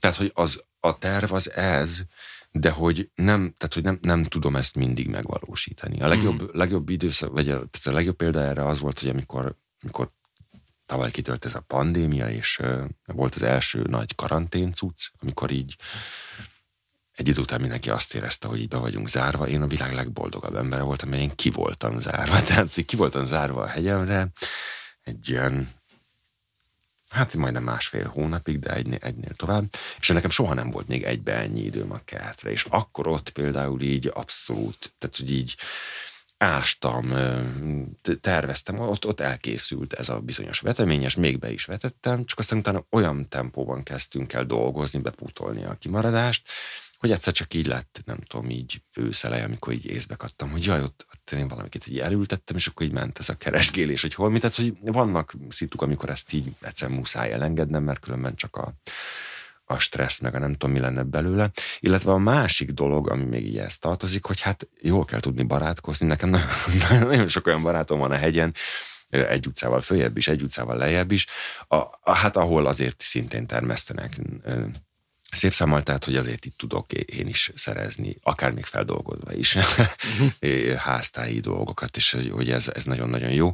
De a terv valóban ez lenne, és így ezt, ezt is célzom meg, csak van, amikor amikor mondjuk így a hivatás így elszólít így uh-huh. hosszabb időre, és akkor így egyszerűen nem tudom kivitelezni. Uh-huh. Mm, te gyakran főzöl? Vagy mindig magadra Minden főzöl? Aha tehát hogy minden nap, sőt, van olyan naponta kétszer is. Most most egy ilyen izgi időszakom, vagy szak, időszakban vagyok, de, de erről majd akkor beszélek, hogyha a végére értem. Most, most kifejezetten előre készülök minden nap, de hogy egyébként is, egyébként is szok, tehát főzni szoktam, abszolút, igen. Uh-huh. Ha jól emlékszem, akkor a, talán az Instagramon vagy a Facebookon írtad ki, hogy kamusév ami egyébként azért úgy vicces, mert azért nézegettem azokat a képeket, amiket csinálsz, amikor így ételeket fotózol, hogy azért azok nagyon kívánatosak, tehát hogy így de hogy azért találtad így magad, mert hogy oké, okay, nem vagy igazi séf, vagy mert vagy mert nem is tudom, tehát hogy ilyen nem tudom, nem gondolom át ezeket, amiket kihírok, látod, ez a vegán is a kamusét. Nem, egyszerűen azért, mert hogy, mert hogy tehát pont azt gondolom erről az egészről, hogy szerintem nagyon-nagyon jó lenne, hogyha az embereket eh, rá lehetne venni arra, hogy az ételeket, amiket fogyasztanak, azok, azt, azt ők készítsék el. Uh-huh. És tudom, hogy eh, tehát tudom, hogy vannak élethelyzetek, meg vannak olyan munkakörök, ahol ez szinte kivitelezhetetlen, de azért mondom azt, hogy szinte, mert, mert nem. Tehát, hogy igenis növényi alapokon konkrétan fél óra alatt az ember meg tud főzni akár két-három napra előre is vagy, vagy elő tud készülni annyira, hogy akkor tényleg csak egy ilyen 10-15 perces cucc legyen az, hogy nem tudom, most készüljön egy ebéd, vagy készüljön egy vacsora. Én magam mikrót sem használok, de hogy így azt egyszerűen csak azért, mert nem, nem szerettem, tehát hogy így ö, mindent meg lehet oldani, és amikor, amikor a legdurvább melós időszakaim vannak, pont akkor szoktam a legjobban odafigyelni erre, hogy, hogy ez ne okozzon problémát. Tehát, uh-huh. hogy, hogy eleinte nagyon nevettek rajtam kollégák, amikor látják, hogy ilyen kosárkával, mint piroska az erdőben közlekedem. Tehát akkor dobozolsz, és... Abszolút az... dobozolok, és éthordózok, és termoszozok, mert hogy, mert hogy rájöttem, hogy a lehető legjobb, és arra még, még külön oda kell figyelnem, hogy másfél-kétszeres adagokat vigyek, mert hogy előbb-utóbb elfogy a kajám, úgyhogy én még meg se piszkáltam. Mert hogy nekem nagyon fontos az, amikor eszem, akkor, akkor a szemem is jól lakjon. Tehát, hogy ezt nem szoktak elhinni, de egyébként tényleg, tehát tényleg így föl szoktam cicomázni a tányérokat, de egyébként meg nem, mert hogy, hogy az, hogy ez az étel, tehát hogy, hogy mondjam, merőkanállal kimerni, mint a menzán, vagy egy fél percet még így rászánni, tehát hogy azért nem az van, hogy órákat készülődök. Igen, nem, persze. Tehát, hogy tehát azért az, nem... hogy az ember egy, nem tudom, csűr az egésznek a tetejére egy marék csirát, vagy valami, nem tudom, lemmagot, vagy naprafogot, vagy akármit, egyrészt másokkal jobban néz ki, meg szóval, hogy ne, nem tudom miért, nekem ez nagyon, régen is nagyon fontos volt egyébként. Ilyenkor azt mondják, hogy felkészülünk a, az emésztésre, és hogy már, már az illatok, Pontosan. meg már a szem is, ugye, hogy rátekint, megérezzük a, az ételnek az ízét, ugye a, a nyál elkezd termelődni, tehát ténylegesen szervezet ráhangolódik az Abszolút. étkezésre. És pont ezért fontos szerintem az is, hogyha az ember a saját kezével készíti az Így ételeit, van. akkor már ott elindul egy kapcsolat. És nyilván a leges-leges legvagányabb dolog az, hogyha az ember a magot elülteti, aztán gondoz a növény, Igen. mert hogy van ez a mondás, hogy a saját paradicsomod, tehát annál fantasztikusabb ízű nincs, és ez tényleg így van, de hogy így azon gondolkodtam, hogy ez nem, tehát, hogy ez nem csak így, tényleg nem csak így a fizikai része ennek a dolognak, hanem egyszerűen azzal a növényel, amit te ápolsz, am, amire odafigyelsz, amiről gondoskodsz, azzal, azzal van egy kapcsolatod. És és érdekes módon ez a kapcsolat, ez szerintem a szöges ellentéte annak a kapcsolatnak, amikor valaki nem tudom, fölnevel egy kiskecskét, mm-hmm. aztán utána pár év múlva meg nem tudom, levágja. Mert ugye az is nyilván egy kapcsolat, csak hogy, hogy abban érzek egy ilyen nagyon durva ellentmondást. Igen. Képzeld el, ezzel erről jut eszembe, hogy voltam, hallgattam egyszer egy előadást, már nem is emlékszem, hogy kitartotta, talán pont ilyen permakultúra uh-huh. témában volt, és hogy ott a, a srác arról beszélt, hogy ugye gyógynövények, ételek, amiket elültetünk, hogy ha ott a környezetünkben van, és ugye evidencia, meg bizonyíték arra van, hogy gyógynövények azok nyilván hatnak az egészségünkre. És hogy vannak arra már kísérletek, hogy egy kertben ott élünk éveken keresztül, és maga az ember, aki ott él, megbetegszik, lehet ez akár egy klasszikus megfázás, vagy csak egy fajta mentális betegség, akkor a körülöttünk lévő növények, gyógynövények rá rezonálnak az emberre, és amikor te azt elkezded fogyasztani, akkor ez a hatásmechanizmus, ez, ez segít az embernek, tehát az a gyógynövény, amit mondjuk egy, egy tea, egy kamilla, vagy bármi menta, amit elfogyasztunk, akkor önmagában még képes akár a növény arra, hogy egy picit más vegyületet termeljen, amiatt, hogy téged gyógyítson. Ez szerintem abszolút így van. És tök érdekes, hogy így szóba kerültek a gyógynövények. Én azt figyeltem meg például a saját kertemben, ugye, amint mondtam, ez egy gyümölcsös volt, tele gyümölcsfákkal, díszfák nem is nagyon voltak benne, családi karácsonyfák lettek kiültetve, tehát hogy vannak, vannak nagy szép fenyők. De hogy hogy az előző tulajdonos halála után a családnak annyira erős érzelmi sok volt ez a dolog, és ez a tehát, hogy egyszer nem, nem voltak képesek kimenni oda, és akkor az utcában az egyik ember volt megbízva azzal, hogy időnként vagy lekaszálja a, a területet, vagy pedig ő tart kecskéket például, vagy pedig a kecskékkel lelegeltesse. És hogy azt figyeltem meg, amikor én oda keveredtem, és és persze megtaláltam a, a sufniban a fűnyírókat, a nem tudom miket, de hogy hát, hát, hogy nem az a tipikus gyep van ott, hanem, hanem konkrétan ez a virágos rét, vagy ilyen egy, egy önmagában lévő természetes méhlegelő az a, az a terület. És elkezdtem ezzel játszani, hogy egy idő után már egyrészt tényleg sokkal könnyebb úgy tervezni egy ilyen nagyon speciális alakú ez a kert, mert 10 méter széles, de 130 méter hosszú. Tehát, hogy így a uh-huh. Milyen kertet ne című fejezetben így első körben ott lenne ez a nadrágszi parcella, hogy ne.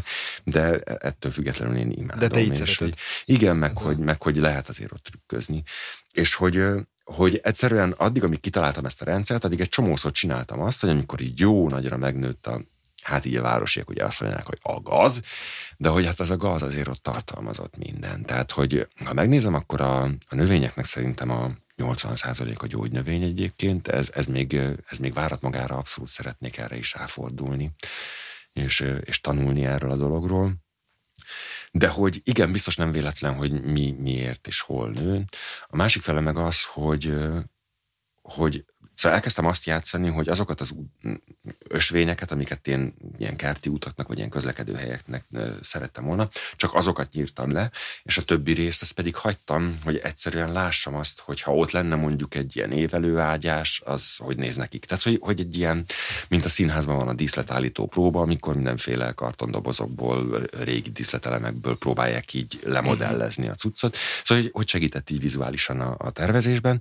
És akkor vettem észre, hogy hogy egyrészt tényleg elképesztő élet zajlik ezeken a, ezeken a kis meghagyott foltokon, másrészt pedig elképesztően gyönyörű attól, hogy ilyen két-három hetes intervallumokban mindig más dominál benne, mindig más virágzik. Tehát, hogy ott egyszerűen működik az a, az a kis mini ökoszisztéma, ami, ami, ami szerintem bámulatos, és hogy, hogy ez, de igen, ez nagyon is fontos, meg nagyon nagy hatása van az emberre. A másik fele meg az, hogy egy csomó fűszernövény, meg gyógynövény amúgy is bekerült a kertbe, de hogy tényleg amik ott vannak, azokat, azokat akkora örömmel használom. Tehát az, hogy hogy hatalmas csipke bogyóbokrok, vagy ilyen vadrózsabokrok vannak, ami ilyenkor ősszel ontja a csipkebogyót, tehát hogy így olyan botorság volna nem, nem használni ezt, meg nem, meg nem élni vele. Uh-huh. És egyébként abszolút hiszek abban is, hogy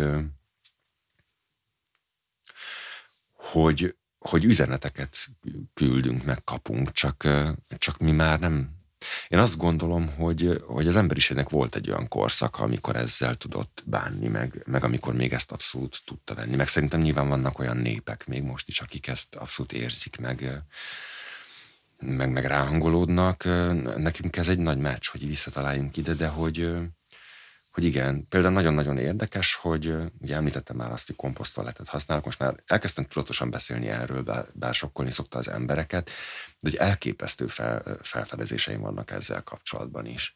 Tehát azt például én nem tudtam, hogy az emberen a paradicsom mag az úgy megy át, hogy egyébként az utána még abszolút csíraképes és termőképes. Soha olyan gyönyörű paradicsom palántákat nem láttam, amik a, a, az egy-másfél éves komposzt, tehát a komposzt toalettnek a, a komposzt halmán nőnek, és így pont ezen rögtön minap, hogyha így ezzel mondjuk így kiállnék a piacra, mint őstermelő, hogy szóval, hogy ezért így meg, megvan ennek a bizarsága, illetve én szerintem nem bizarr, csak így visszaemlékezve a régi énemre, meg mondjuk emlékezve arra a pontra, amikor a kutakodásaim során először szembe jött velem maga ez a, az alomszék vagy a száraz toalett, amikor én is terveztem a hegyen a, hogyan legyen az lakható és kényelmes, hogy először nekem is fölcsúszott a szemöldököm így a homlokomra, meg így volt bennem élből egy ilyen hárítás, hogy na jó, azért ez biztos nem, tehát nem, nem, nem fog födörbe szarni a házban.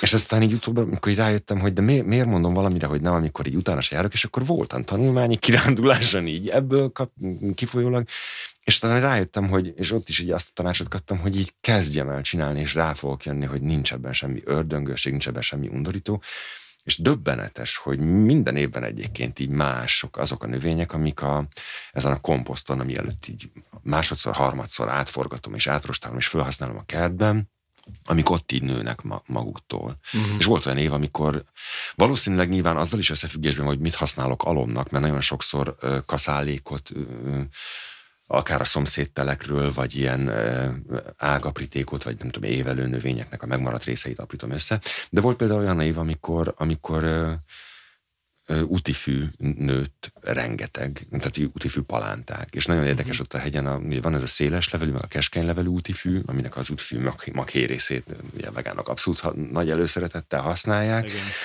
meg ugye az is egy nagyon, nagyon hasznos gyógynövény, nagyon sok, sok mindenre jó, és hogy ott a hegyen meg, meg ilyen egészen érdekes, ilyen gigantikus példányok nőnek belőle, ami ilyen mhm. nagyon durva, tehát tényleg olyan, mint valamilyen ős, ilyen rinocérosz bőrvastagságú, nagy ráncos levelekkel, tehát tényleg ilyen nagyon, nagyon durva flash. Így ezeket így kitapasztalgatni. Gondoltad volna, hogy majd erről fogsz beszélgetni egyszer, hogy milyen típusú úti nem, nem gondolkodtam így előre ilyesmin, meg most már így azt hiszem, hogy utólag se gondolkodom ilyesmin. Nem, abszolút hiszek abban, illetve így, vagy ez a tapasztalatom, te is így indítottad a, a találkozásunkra a, a beszélgetésünket, hogy hogy az embernek nem véletlenül vannak megérzései. Igen. És nagyon sokszor csináltam én azt, amikor jött egy ilyen megint próbálok úgy fogalmazni, hogy ne, ne menjünk át ilyen boszorkányságba, bár bár akinek az egészről megvan a véleménye, én, úgyis azt, azt fogja. Én azt szoktam gondolni ilyenkor, hogy bocsánat, hogy közbevágok, hogy, hogy azért mond szerintem úgy, ahogy érzed, mert úgy fog igazán átmenni. És aki, aki meg, erre aki, is akartam visszatérni, hogy, hogy nyilván pont ezért fontos. Igen. Ez csak így szó, szó esett arról, hogy a, a spirituális szót is azért óvatosan használjuk, mert ugye abból is, ami az emberek zöméhez eljut, az pont ez a pláza spiritualitás. Tehát ez a, a ami abszolút csak a felszínen mozog, és, és ami inkább egy, egy kiegészítő kellék, mint a, nem tudom, nem mondok semmit. Tehát, hogy, hogy, hogy, hogy igen, hát van, van mindennek felszíne, meg mélysége sugalatot akartam mondani, vagy üzenetet, de hogy igen, amikor az embernek van egy ilyen nagyon erős megérzése, tehát amikor konkrétan így egyszer csak a semmiből egy ilyen mondat beüt valamivel kapcsolatban, hogy nagyon sokszor éreztem azt, hogy nem ezt így ki kéne mondani, tökre nem tartozik a témához, vagy csak így nagyon csűrve csavarva ér, de hogy így konkrétan volt olyan, hogy így tudtam, hogy valakinek kéne mondanom három mondatot, aztán vagy kezd vele valamit, vagy nem. És nagyon sokszor ezeket így visszanyeltem, mert hogy így hát full hülyének néznek így is, azt gondolják, hogy egy ilyen fura szerzet vagyok, és aztán így rájöttem arra, amikor többször bebizonyosodott, hogy már pedig az a mondatot akkor nagyon-nagyon sokat tudott volna segíteni. Rájöttem, hogy ezek nem véletlenül vannak, és ezeket most már én is inkább kimondom, vagy én is inkább megteszem azokat a dolgokat, amikor azt érzem, hogy és, és tényleg bí, tehát, hogy bízom abban, vagy így hiszek, hiszek leginkább ebben, hogy, Hát egyrészt nem is lehet mindenkinek tetszeni, meg nem is kell mindenki szeresse az embert, és éppen ezért is annál fontosabb, hogy akkor legalább magamat tiszteljem, meg szeressem annyira, hogy tényleg ami jön, azt... Egy csomószor érzem azt, hogy, hogy van egy olyan szerepünk sokunknak, hogy, hogy csatornák vagyunk, és a, nem tudom, a csatorna az nem mindig van tudatában annak, hogy most így, ami rajta átfolyik, nem tudom, víz vagy tök mindegy, hogy annak mi a szerepe, csak az a dolga, hogy ezt így közvetítse. És pont ez a, a már említett nagyon sok fantasztikus találkozás a nyáron, az így, az így ezt erősíti bennem, hogy nem szabad sokat gondolkodni, meg sokat Persze nyilván vannak olyan dolgok, amit így, am, am, amit így szeretnék a lehető legjobban átadni úgy, ahogy ez így bennem megfogalmazódott, és akkor így eltöltök vele időt, hogy ezt így szépen ráncba szedjem.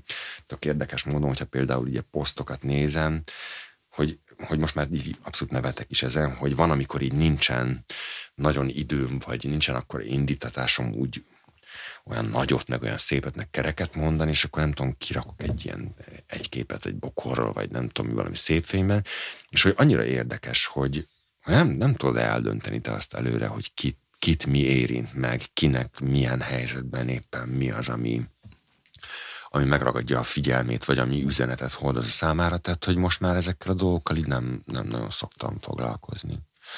Meg tényleg az van, hogy így hogy nagyon, tehát hogy egyszerűen olyan lett a világ mostanra, és így, és így ez ellen tényleg tenni kéne, hogy mindennel kapcsolatban előítéleteket nevelnek belénk, vagy így a, tehát hogy a, a közeg olyan, hogy, és így utóbb is, tehát hogy nem, nem tudom elmondani, hogy, hogy mi volt az, ami például, hogyha most így a komposzteletről szó esett, hogy az első pillanatban is azt éreztem, hogy na azért mindennek van egy határa. És hogy így utóbb rájöttem, vagy így meg, tehát hogy, hogy így már azóta összeraktam magam pont másoknak az ehhez való viszonyulással kapcsán, vagy így, ahogy így figyelgettem őket, hogy az nagyon vicces, az én édesanyám például ezt, ezt teljesen ilyen tehát ez, ezt ilyen elrugaszkodott dolognak élte meg, és ő nagyon sokáig nem is volt hajlandó használni ezt. Tehát, hogy inkább papi zsebkendővel bujkált a bokrokban, hogyha pisilnie kellett nálam, mert hogy volt vele. És aztán rájöttem arra, hogy igen, azért, mert neki a fejében ez a dolog, ez a budival azonosul, ami a gyerekkorának egy rossz emléke, ahol kényelmetlenül érezte magát, guztustalannak érezte, és hogy, hogy idő volt, míg rájött arra, hogy ez még csak kicsit sem hasonlít arra. Tehát, hogy, hogy, nem, hogy nem ugyanaz a kettő, sőt, sőt, nagyon nagyban különbözik.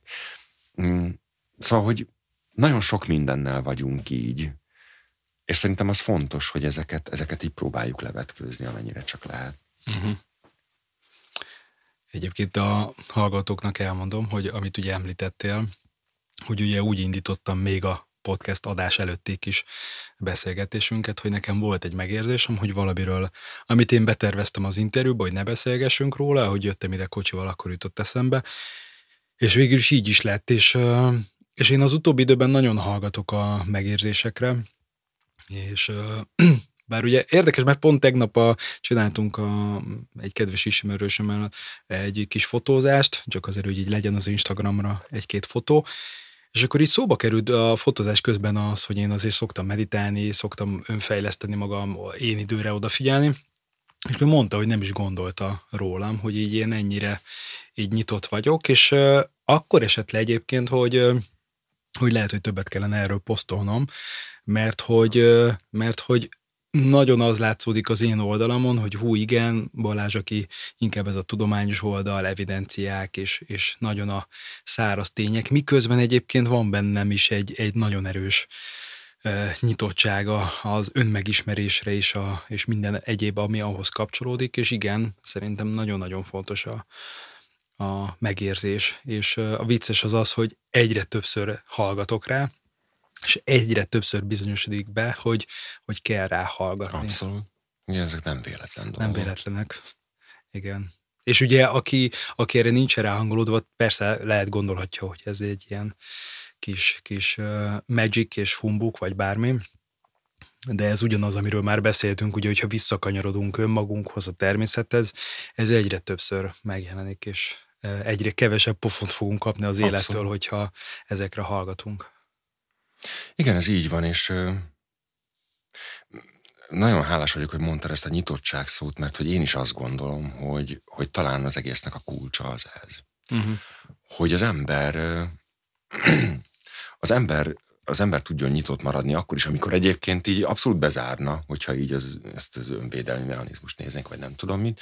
És például ennek köszönhető, hogy, hogy én most már tudok akár hosszasan is beszélgetni olyan emberekkel, akik teljesen mást gondolnak a, a világról, vagy a, vagy a szerepünkről a világban, vagy az állatok szerepéről a világban, és hogy most már nem feltétlenül nézem azt két perc után, hogy, hogy megölöm, vagy nem tudom, tehát hogy így, hogy így rá tudok hangolódni arra, hogy, hogy igen, vannak alapvető különbségek abban, ahogy gondolkodunk, de hogy valahogy mindig megpróbálom megkeresni azt, hogy, hogy mi az, ami inkább közös, aminek a mentén el tudunk kezdeni úgy beszélgetni, hogy az mindenkinek jó legyen. Vagy, uh-huh.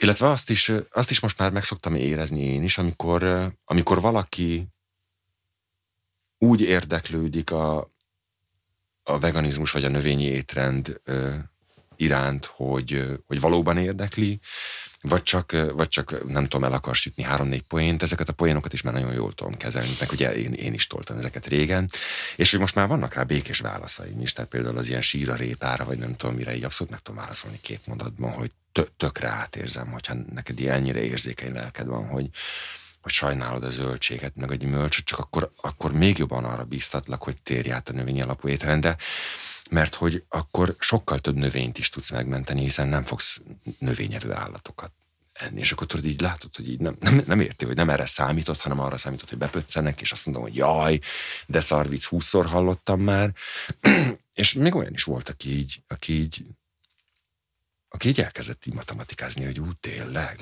És mondtam, hogy de persze, hát hogyha ha megnézed a, a, a lábnyomát egy ilyen táblázatban annak, hogy az nem tudom, mennyi víz, mennyi.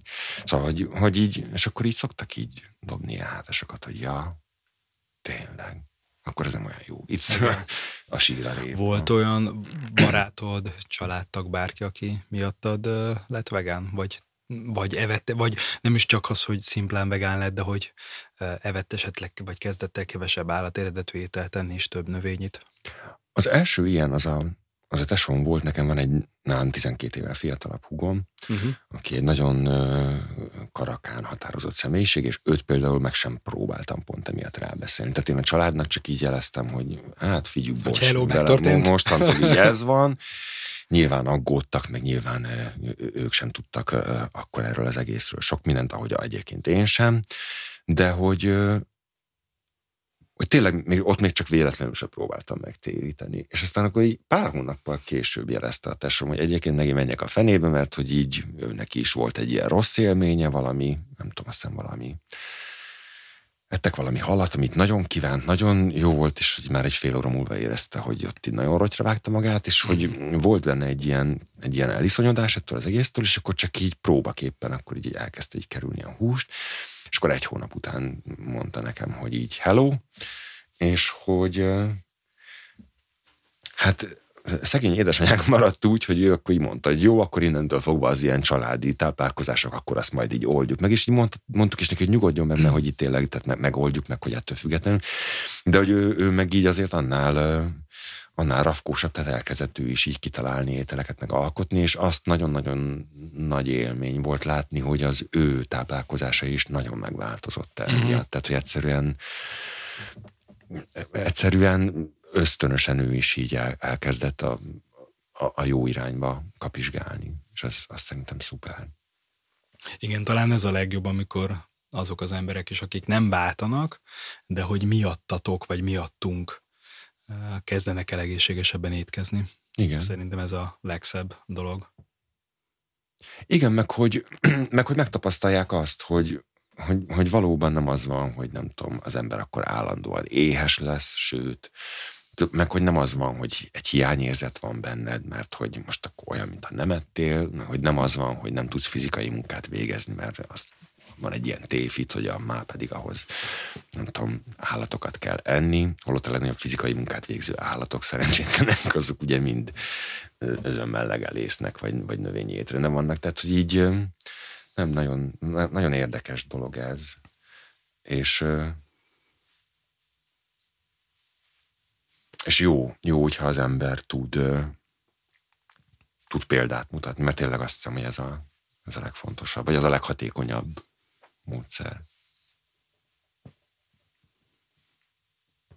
Hogy látod a kertednek és a házadnak a jövőjét?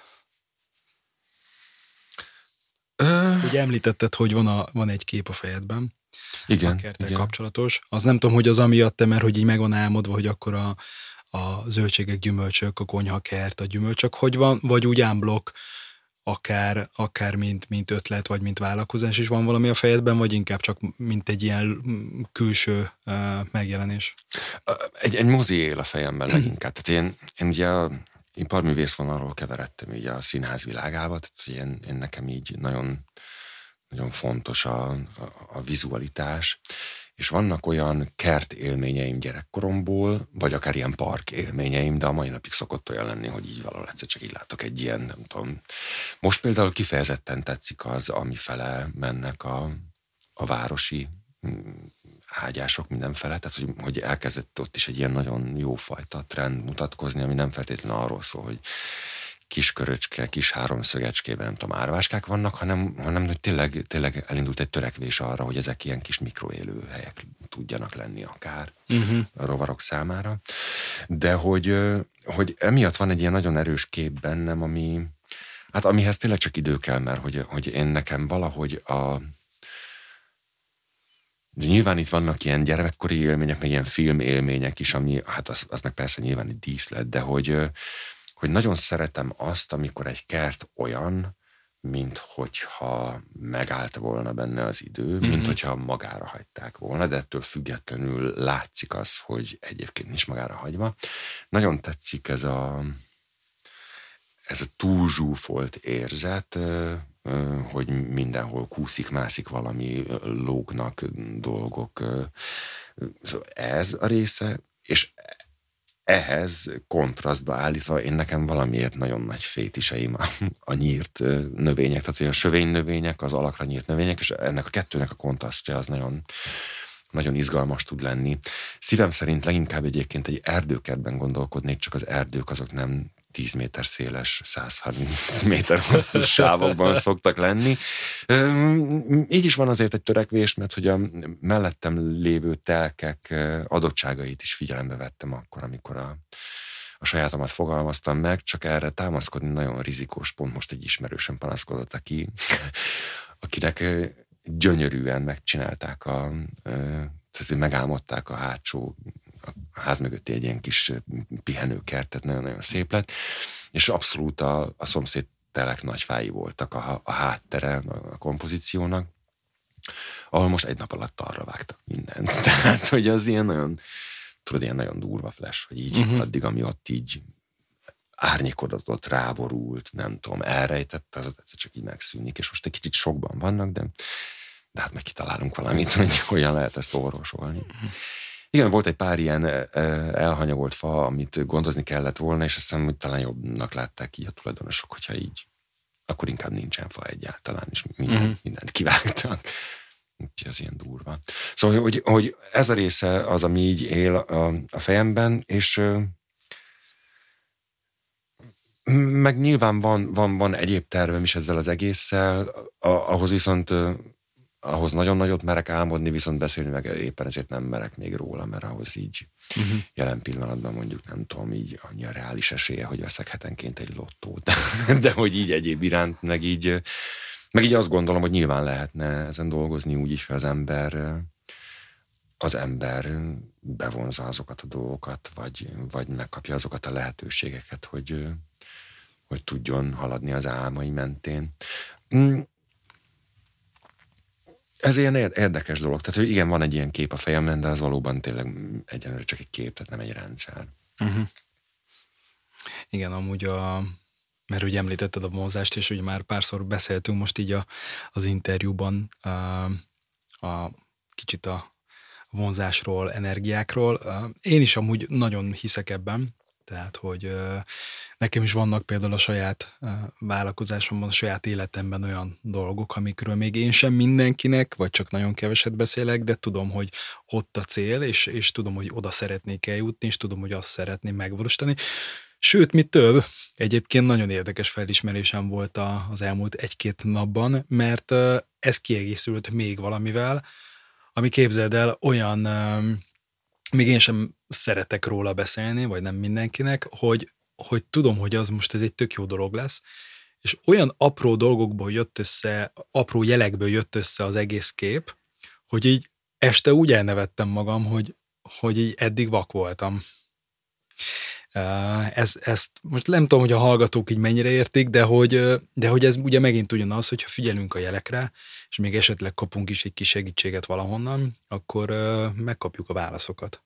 Csak ugye figyelni kell a jelekre, viszont azt gondolom, hogy ehhez is akkor talán itt kötöm össze a kertet, a természetet, azzal, hogy, hogy figyeljünk magunkra, mert egészen addig, amíg nem nyugszunk le, és nem nincs, nincs az az állandó pörgés, hogy csak a munka, csak a számítógép, csak ez, csak az, és úgy pörgetünk, és nem, nem figyelünk saját magunkra belülről, belülre, akkor, ezt ne, akkor erre nem hangolódunk rá. Ugye, hogy most tudom, valami, valamelyik uh, ilyen önfejlesztő könyvben olvastam egy gyönyörű példát erre, talán lehet, hogy Eckhart Tolle-tól, most nem akarok hülyeséget mondani, aki ugye ő azt, azt a példát mondta, hogyha, hogy amikor állandóan pörgünk, az olyan, mint hogyha autópályán lennék, és állandóan az autópályán megyünk 140-nel, és direkt nem 180-at mondok, de hogy az emberek sokszor 180-nal mennek, és nem is 140-nel, miközben a, a valóság az ott lenne, hogy le kellene hajtani az autópályáról, és ki a, ha már képletesen nézve, akkor ki, a kisvárosokba, a természetbe, mert hogy ott történnek a, a nagy dolgok. Igen, ez abszolút így van. Mm.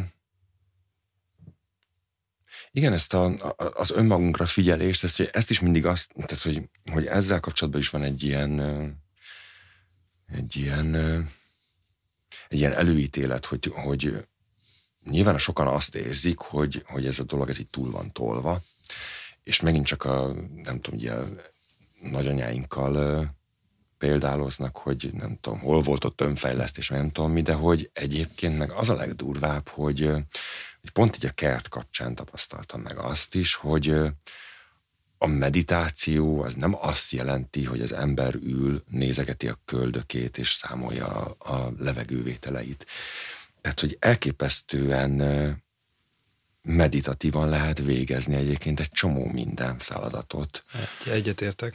És, és, a, és abban pont az a fantasztikus, én nekem például az egyik ilyen az a, az a kaszálás, hogy valahogy annyira tetszett mindig, annyira nem is így a macsósága miatt, hanem hogy, hogy egy ilyen nagyon határozott cselekvés, de ugyanakkor meg mégis mennyivel szebb, mint nem tudom, motoros fűkaszával bőrögtetni ott így a, azon a helyen, ahol egyébként csönd van. És éppen ezért így tudom, hogy tökre nem hatékony, meg hogy ilyen, egy párszor, hogy meg is kaptam már ilyen videók, vagy ilyen posztok alá, hogy így, nem tudom, így stílfűrész, és hogy így, így leírom, hogy nem, azért szeretek egy csomó mindent manuálisan csinálni, mert így közöm lesz hozzá. Uh-huh és más a kájhának a melege akkor, hogyha én nem tudom, kézzel tördelem össze a gyújtósnak való botot, vagy kisbaltával hasogatom, és nem tudom, a, az ott elpusztult, vagy megritkított fáknak a, a darabványait, ezt én fűrészelem föl,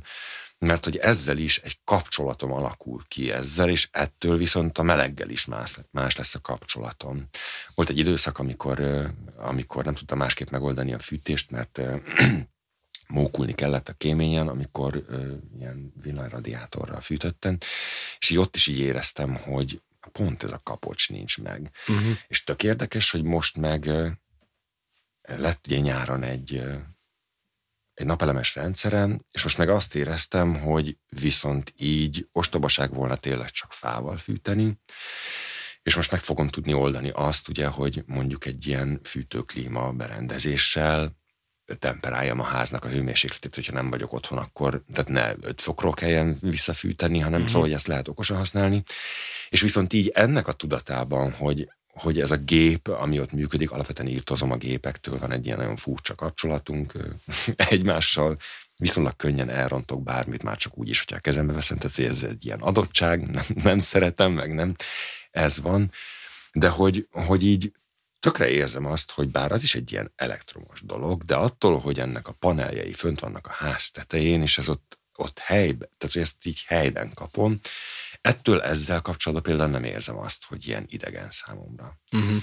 És hogy nem tudom, honnan keveredtem ide, de hogy de hogy igen, hogy, hogy ez a az alapállapotunkat kell szerintem visszahangolni valami normálishoz közelire, és, és egyből sokkal jobbak lesznek a társas kapcsolataink is szerintem. Tehát, hogyha az ember legalább úgy helyek közzel helyén van önmagában, akkor sokkal jobban tud figyelni másra. Uh-huh. Ha a saját problémáit tudja ö, meglátni, vagy, vagy, vagy fejtegetni, vagy, vagy dolgozni rajta, vagy mondjuk a saját problémái kapcsán mer tanácsot kérni, akkor, akkor sokkal hatékonyabban tud. Tehát tá, tá, társas lények vagyunk, és pont erről próbál minket lenevelni ez a, ez a fene nagy civilizáció, meg ez a fejlődés, ami, amit szerintem nem, egyszerűen nem lehet most már fejlődésnek hívni, mert az nem fejlődés, hogyha hogyha kezedbe dől alattunk egy bolygó. Tehát, hogy így lehet, hogy... Ugye szoktuk mondani, hogy ez inkább csak egy technológiai fejlődés, de nem, nem klasszikus értelemben civilizációs fejlődés. Igen, csak olyan furcsa tudod, hogy, hogy most már egyszerűen minden arra van kiélezve, hogy és mondjuk ebben a világban sem érzem otthon magam, hogy, hogy haszon, hogy hatékonyság, hogy gyorsan, könnyen sokat, és hogy, hogy ez valahogy lenevelt minket arról, és, és nagyon sok olyan generációt, akik utánunk jönnek, rá sem neveli arra, hogy egyébként így gondolj át, hogy honnan van az, ami van, meg hogy meddig van még, meg hogy, meg hogy minek van, vagy mire van. És az olyan furcsa, furcsa ezt látni, hogy, hogy egy csomó embert például kifejezetten zavar egy idő után a nagy csönd mert elszokott tőle. Nem tud, nem tud mit kezdeni. Igen, hogy, hogy egyszerűen tényleg volt nekem olyan ismerősöm, aki így eltöltött, nem tudom, egy fél napot így a, nálam ott a hegyen, és amikor megérkezett, akkor még tudod, így ért ez a, hogy így ezt megnézi, azt megnézi, és aztán így ültögéltünk, és aztán beszélgettünk, aztán voltak ilyen csöndesebb részek, és akkor egy után mondta, hogy így hú, hát aztán így csönd van, és mondtam, igen, én nagyon szeretem. És aztán így mondta, hogy ö, egy idő után, hogy hát azért ő itt ám így megbolondulna. És mondtam, hogy miért? És mondta, hogy azért, mert hogy mert hogy az a típusú ember, aki egy, egy, tehát a, a munkája is egy ilyen nagyon-nagyon pörgős dolog, de emellett, amikor ő önmagában egyedül van, akkor is mindig szól valami. Ha más nem, akkor háttérzajnak. És mondta, hogy ő neki egyszerűen arra van ráva az agya, hogy egy ilyen zsesgésben tud gondolkodni, vagy létezni. És hogy ő azt érzi most így konkrétan, hogy ilyen vákumszobában van, És hogy így megértettem azt, hogy hogy igen, valószínűleg, vagy az van, hogy ő ilyen alkat, de rájöttem, hogy önmagában ilyen alkat szerintem nincs, hanem egyszerűen erre szocializálódott erre az, ő, az ő személyisége, vagy a, vagy, a, vagy az alkata, vagy, szóval ez nagyon, nagyon érdekes dolog. Hogyha egy-két mondatban meg kellene fogalmaznod most hallgatóknak, uh, és egy olyan embernek, aki még csak most kezdett kinyílni a szeme és érdeklődik a vegánság iránt, akkor mit mondanál neki, hogy szerinted miért érdemes kipróbálnia? Ú, azért ez nagy felelősség, ez ilyen, de sohasem voltam jó az ilyenben. Nem, hát igazából csak annyi, hogy nem is itt ilyen, ilyen fú, most ilyen megmondás, hanem tudod csak nem, így érzések, A saját tapasztalataim tapasztalat azt mondanám, igen. hogy így vágjon bele. Vágjon bele és csinálja, és ne féljen és ne féljen attól, hogy hirtelen mindenki táplálkozási szakértő lesz körülötte, hogy az életért fognak aggódni, mert hogy ez egy ilyen hamis képből van. Tehát, hogy, hogy ö, én nagyon örülök annak például, most nem sokára egy-két hónap múlva lesz nyolc éve, hogy én lettem, hogy csak ez alatt a nyolc év alatt akkor a fejlődés ment végbe ezen a fronton például, ami nagyon nagy segítség tud lenni a, az embereknek, akik erre az útra akarnak lépni. Csak attól, hogy ekkora információ halmaz vesz minket körben, nyilván mindennek megvan az ellen tanulmánya, ellen véleménye, amiket nem. Tehát én például, én esküszöm próbáltam megérteni a, nem tudom, a táplálkozás tudománynak az ilyen megérthető szelepét, vagy szeletét, és, és rájöttem, hogy így azért nem, nem tudom, mert hogy én így, amit nem látok, azt, azt nem tudom. Tehát, hogy megtanulni meg tudnám kívülről, mintha egy vers lenne, vagy egy monológ lenne, de megérteni nem fogom. Viszont azt meg értem és érzem, hogy mennyire jó a testemnek az, hogy, hogy így élek. És, és én nekem is nagyon sok parám volt eleinte így emiatt, és közben meg azt gondolom, hogy most már egyszerűen nem olyan nehéz hiteles embereket találni, akiknek a segítségét lehet kérni. És én nagyon-nagyon hálás vagyok, hogy egyre több orvos is van Magyarországon, mert hogy én nekem mind az egészségügyben dolgozó, vagy orvos ismerőseim voltak azok, akik így mondták azt, hogy e, tehát ez azért egy nagyon nagyon elvetemült dolog.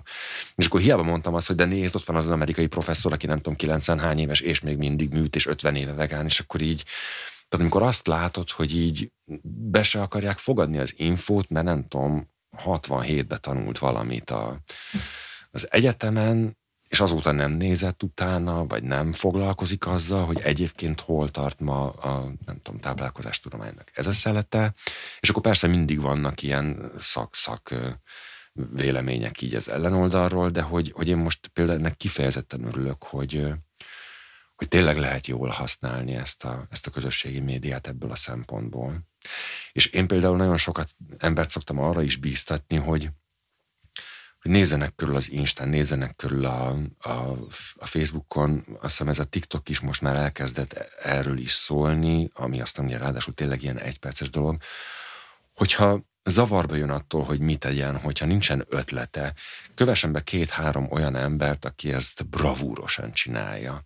És tényleg lehet olyanokat találni, akik nem, akik, tehát, hogy csomószor zavarba jöttem én is, amikor így nem tudom, keresgéltem receptek után, vagy nem tudom mi, hogy ilyen olyan alapanyagok jöttek képbe, amikről egyébként így egyáltalán nem tudtam, hogy mi az. Uh-huh. És aztán rájöttem, hogy így van közül amit így simán be lehet illeszteni ebbe a dologba, de hogy egyébként meg így a nagy része teljesen fölösleges, tehát hogy így tényleg mindent meg lehet oldani. Tehát, hogy egyszerűen csak ötleteket kell meríteni, és szerintem az nagyon sok embernek segít, hogyha nem tudom, elment a telefonjára, vagy a, a laptopjára, vagy a számítógépére három-négy olyan embert, akik, akik ebben nagyon-nagyon jók.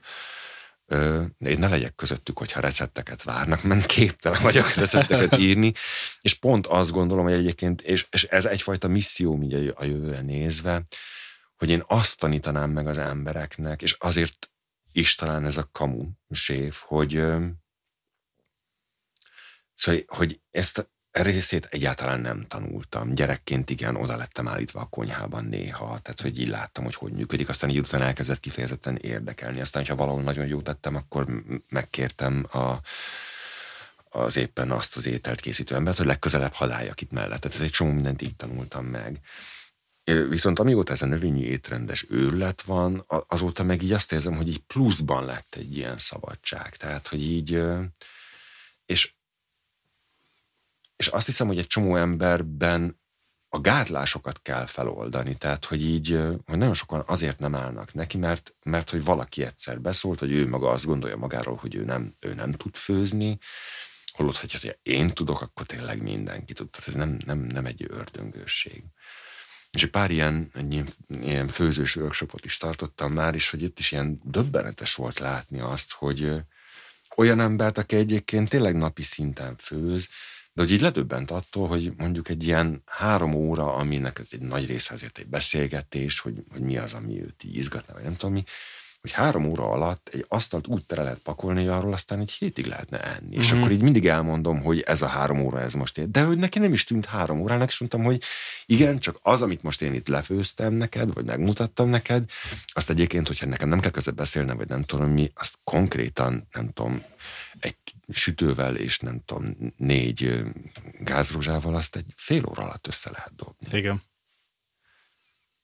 Igen, talán ez egy jó üzenet a, az új, új hallgatóknak, vagy akik csak újoncok benne, hogy ki kell próbálni, és el kell kezdeni. Igen, és mindenképpen nagyon-nagyon megkönnyítik a dolgukat, hogyha tényleg gondoskodnak maguknak a, az ételről. Tehát, hogy, hogy persze van egy csomó opció most már, tehát ezen a téren is fejlődik az egész, lehet rendelni is, meg, meg, meg, meg tényleg nagyon sok, sokféle megoldás van már, de én azt gondolom, hogy, hogy egyszerűen fontos volna megtapasztalni azt, hogy, hogy milyen az, amikor ételt készítesz magadnak, vagy másnak, vagy, vagy úgy alapvetően. Tehát, hogy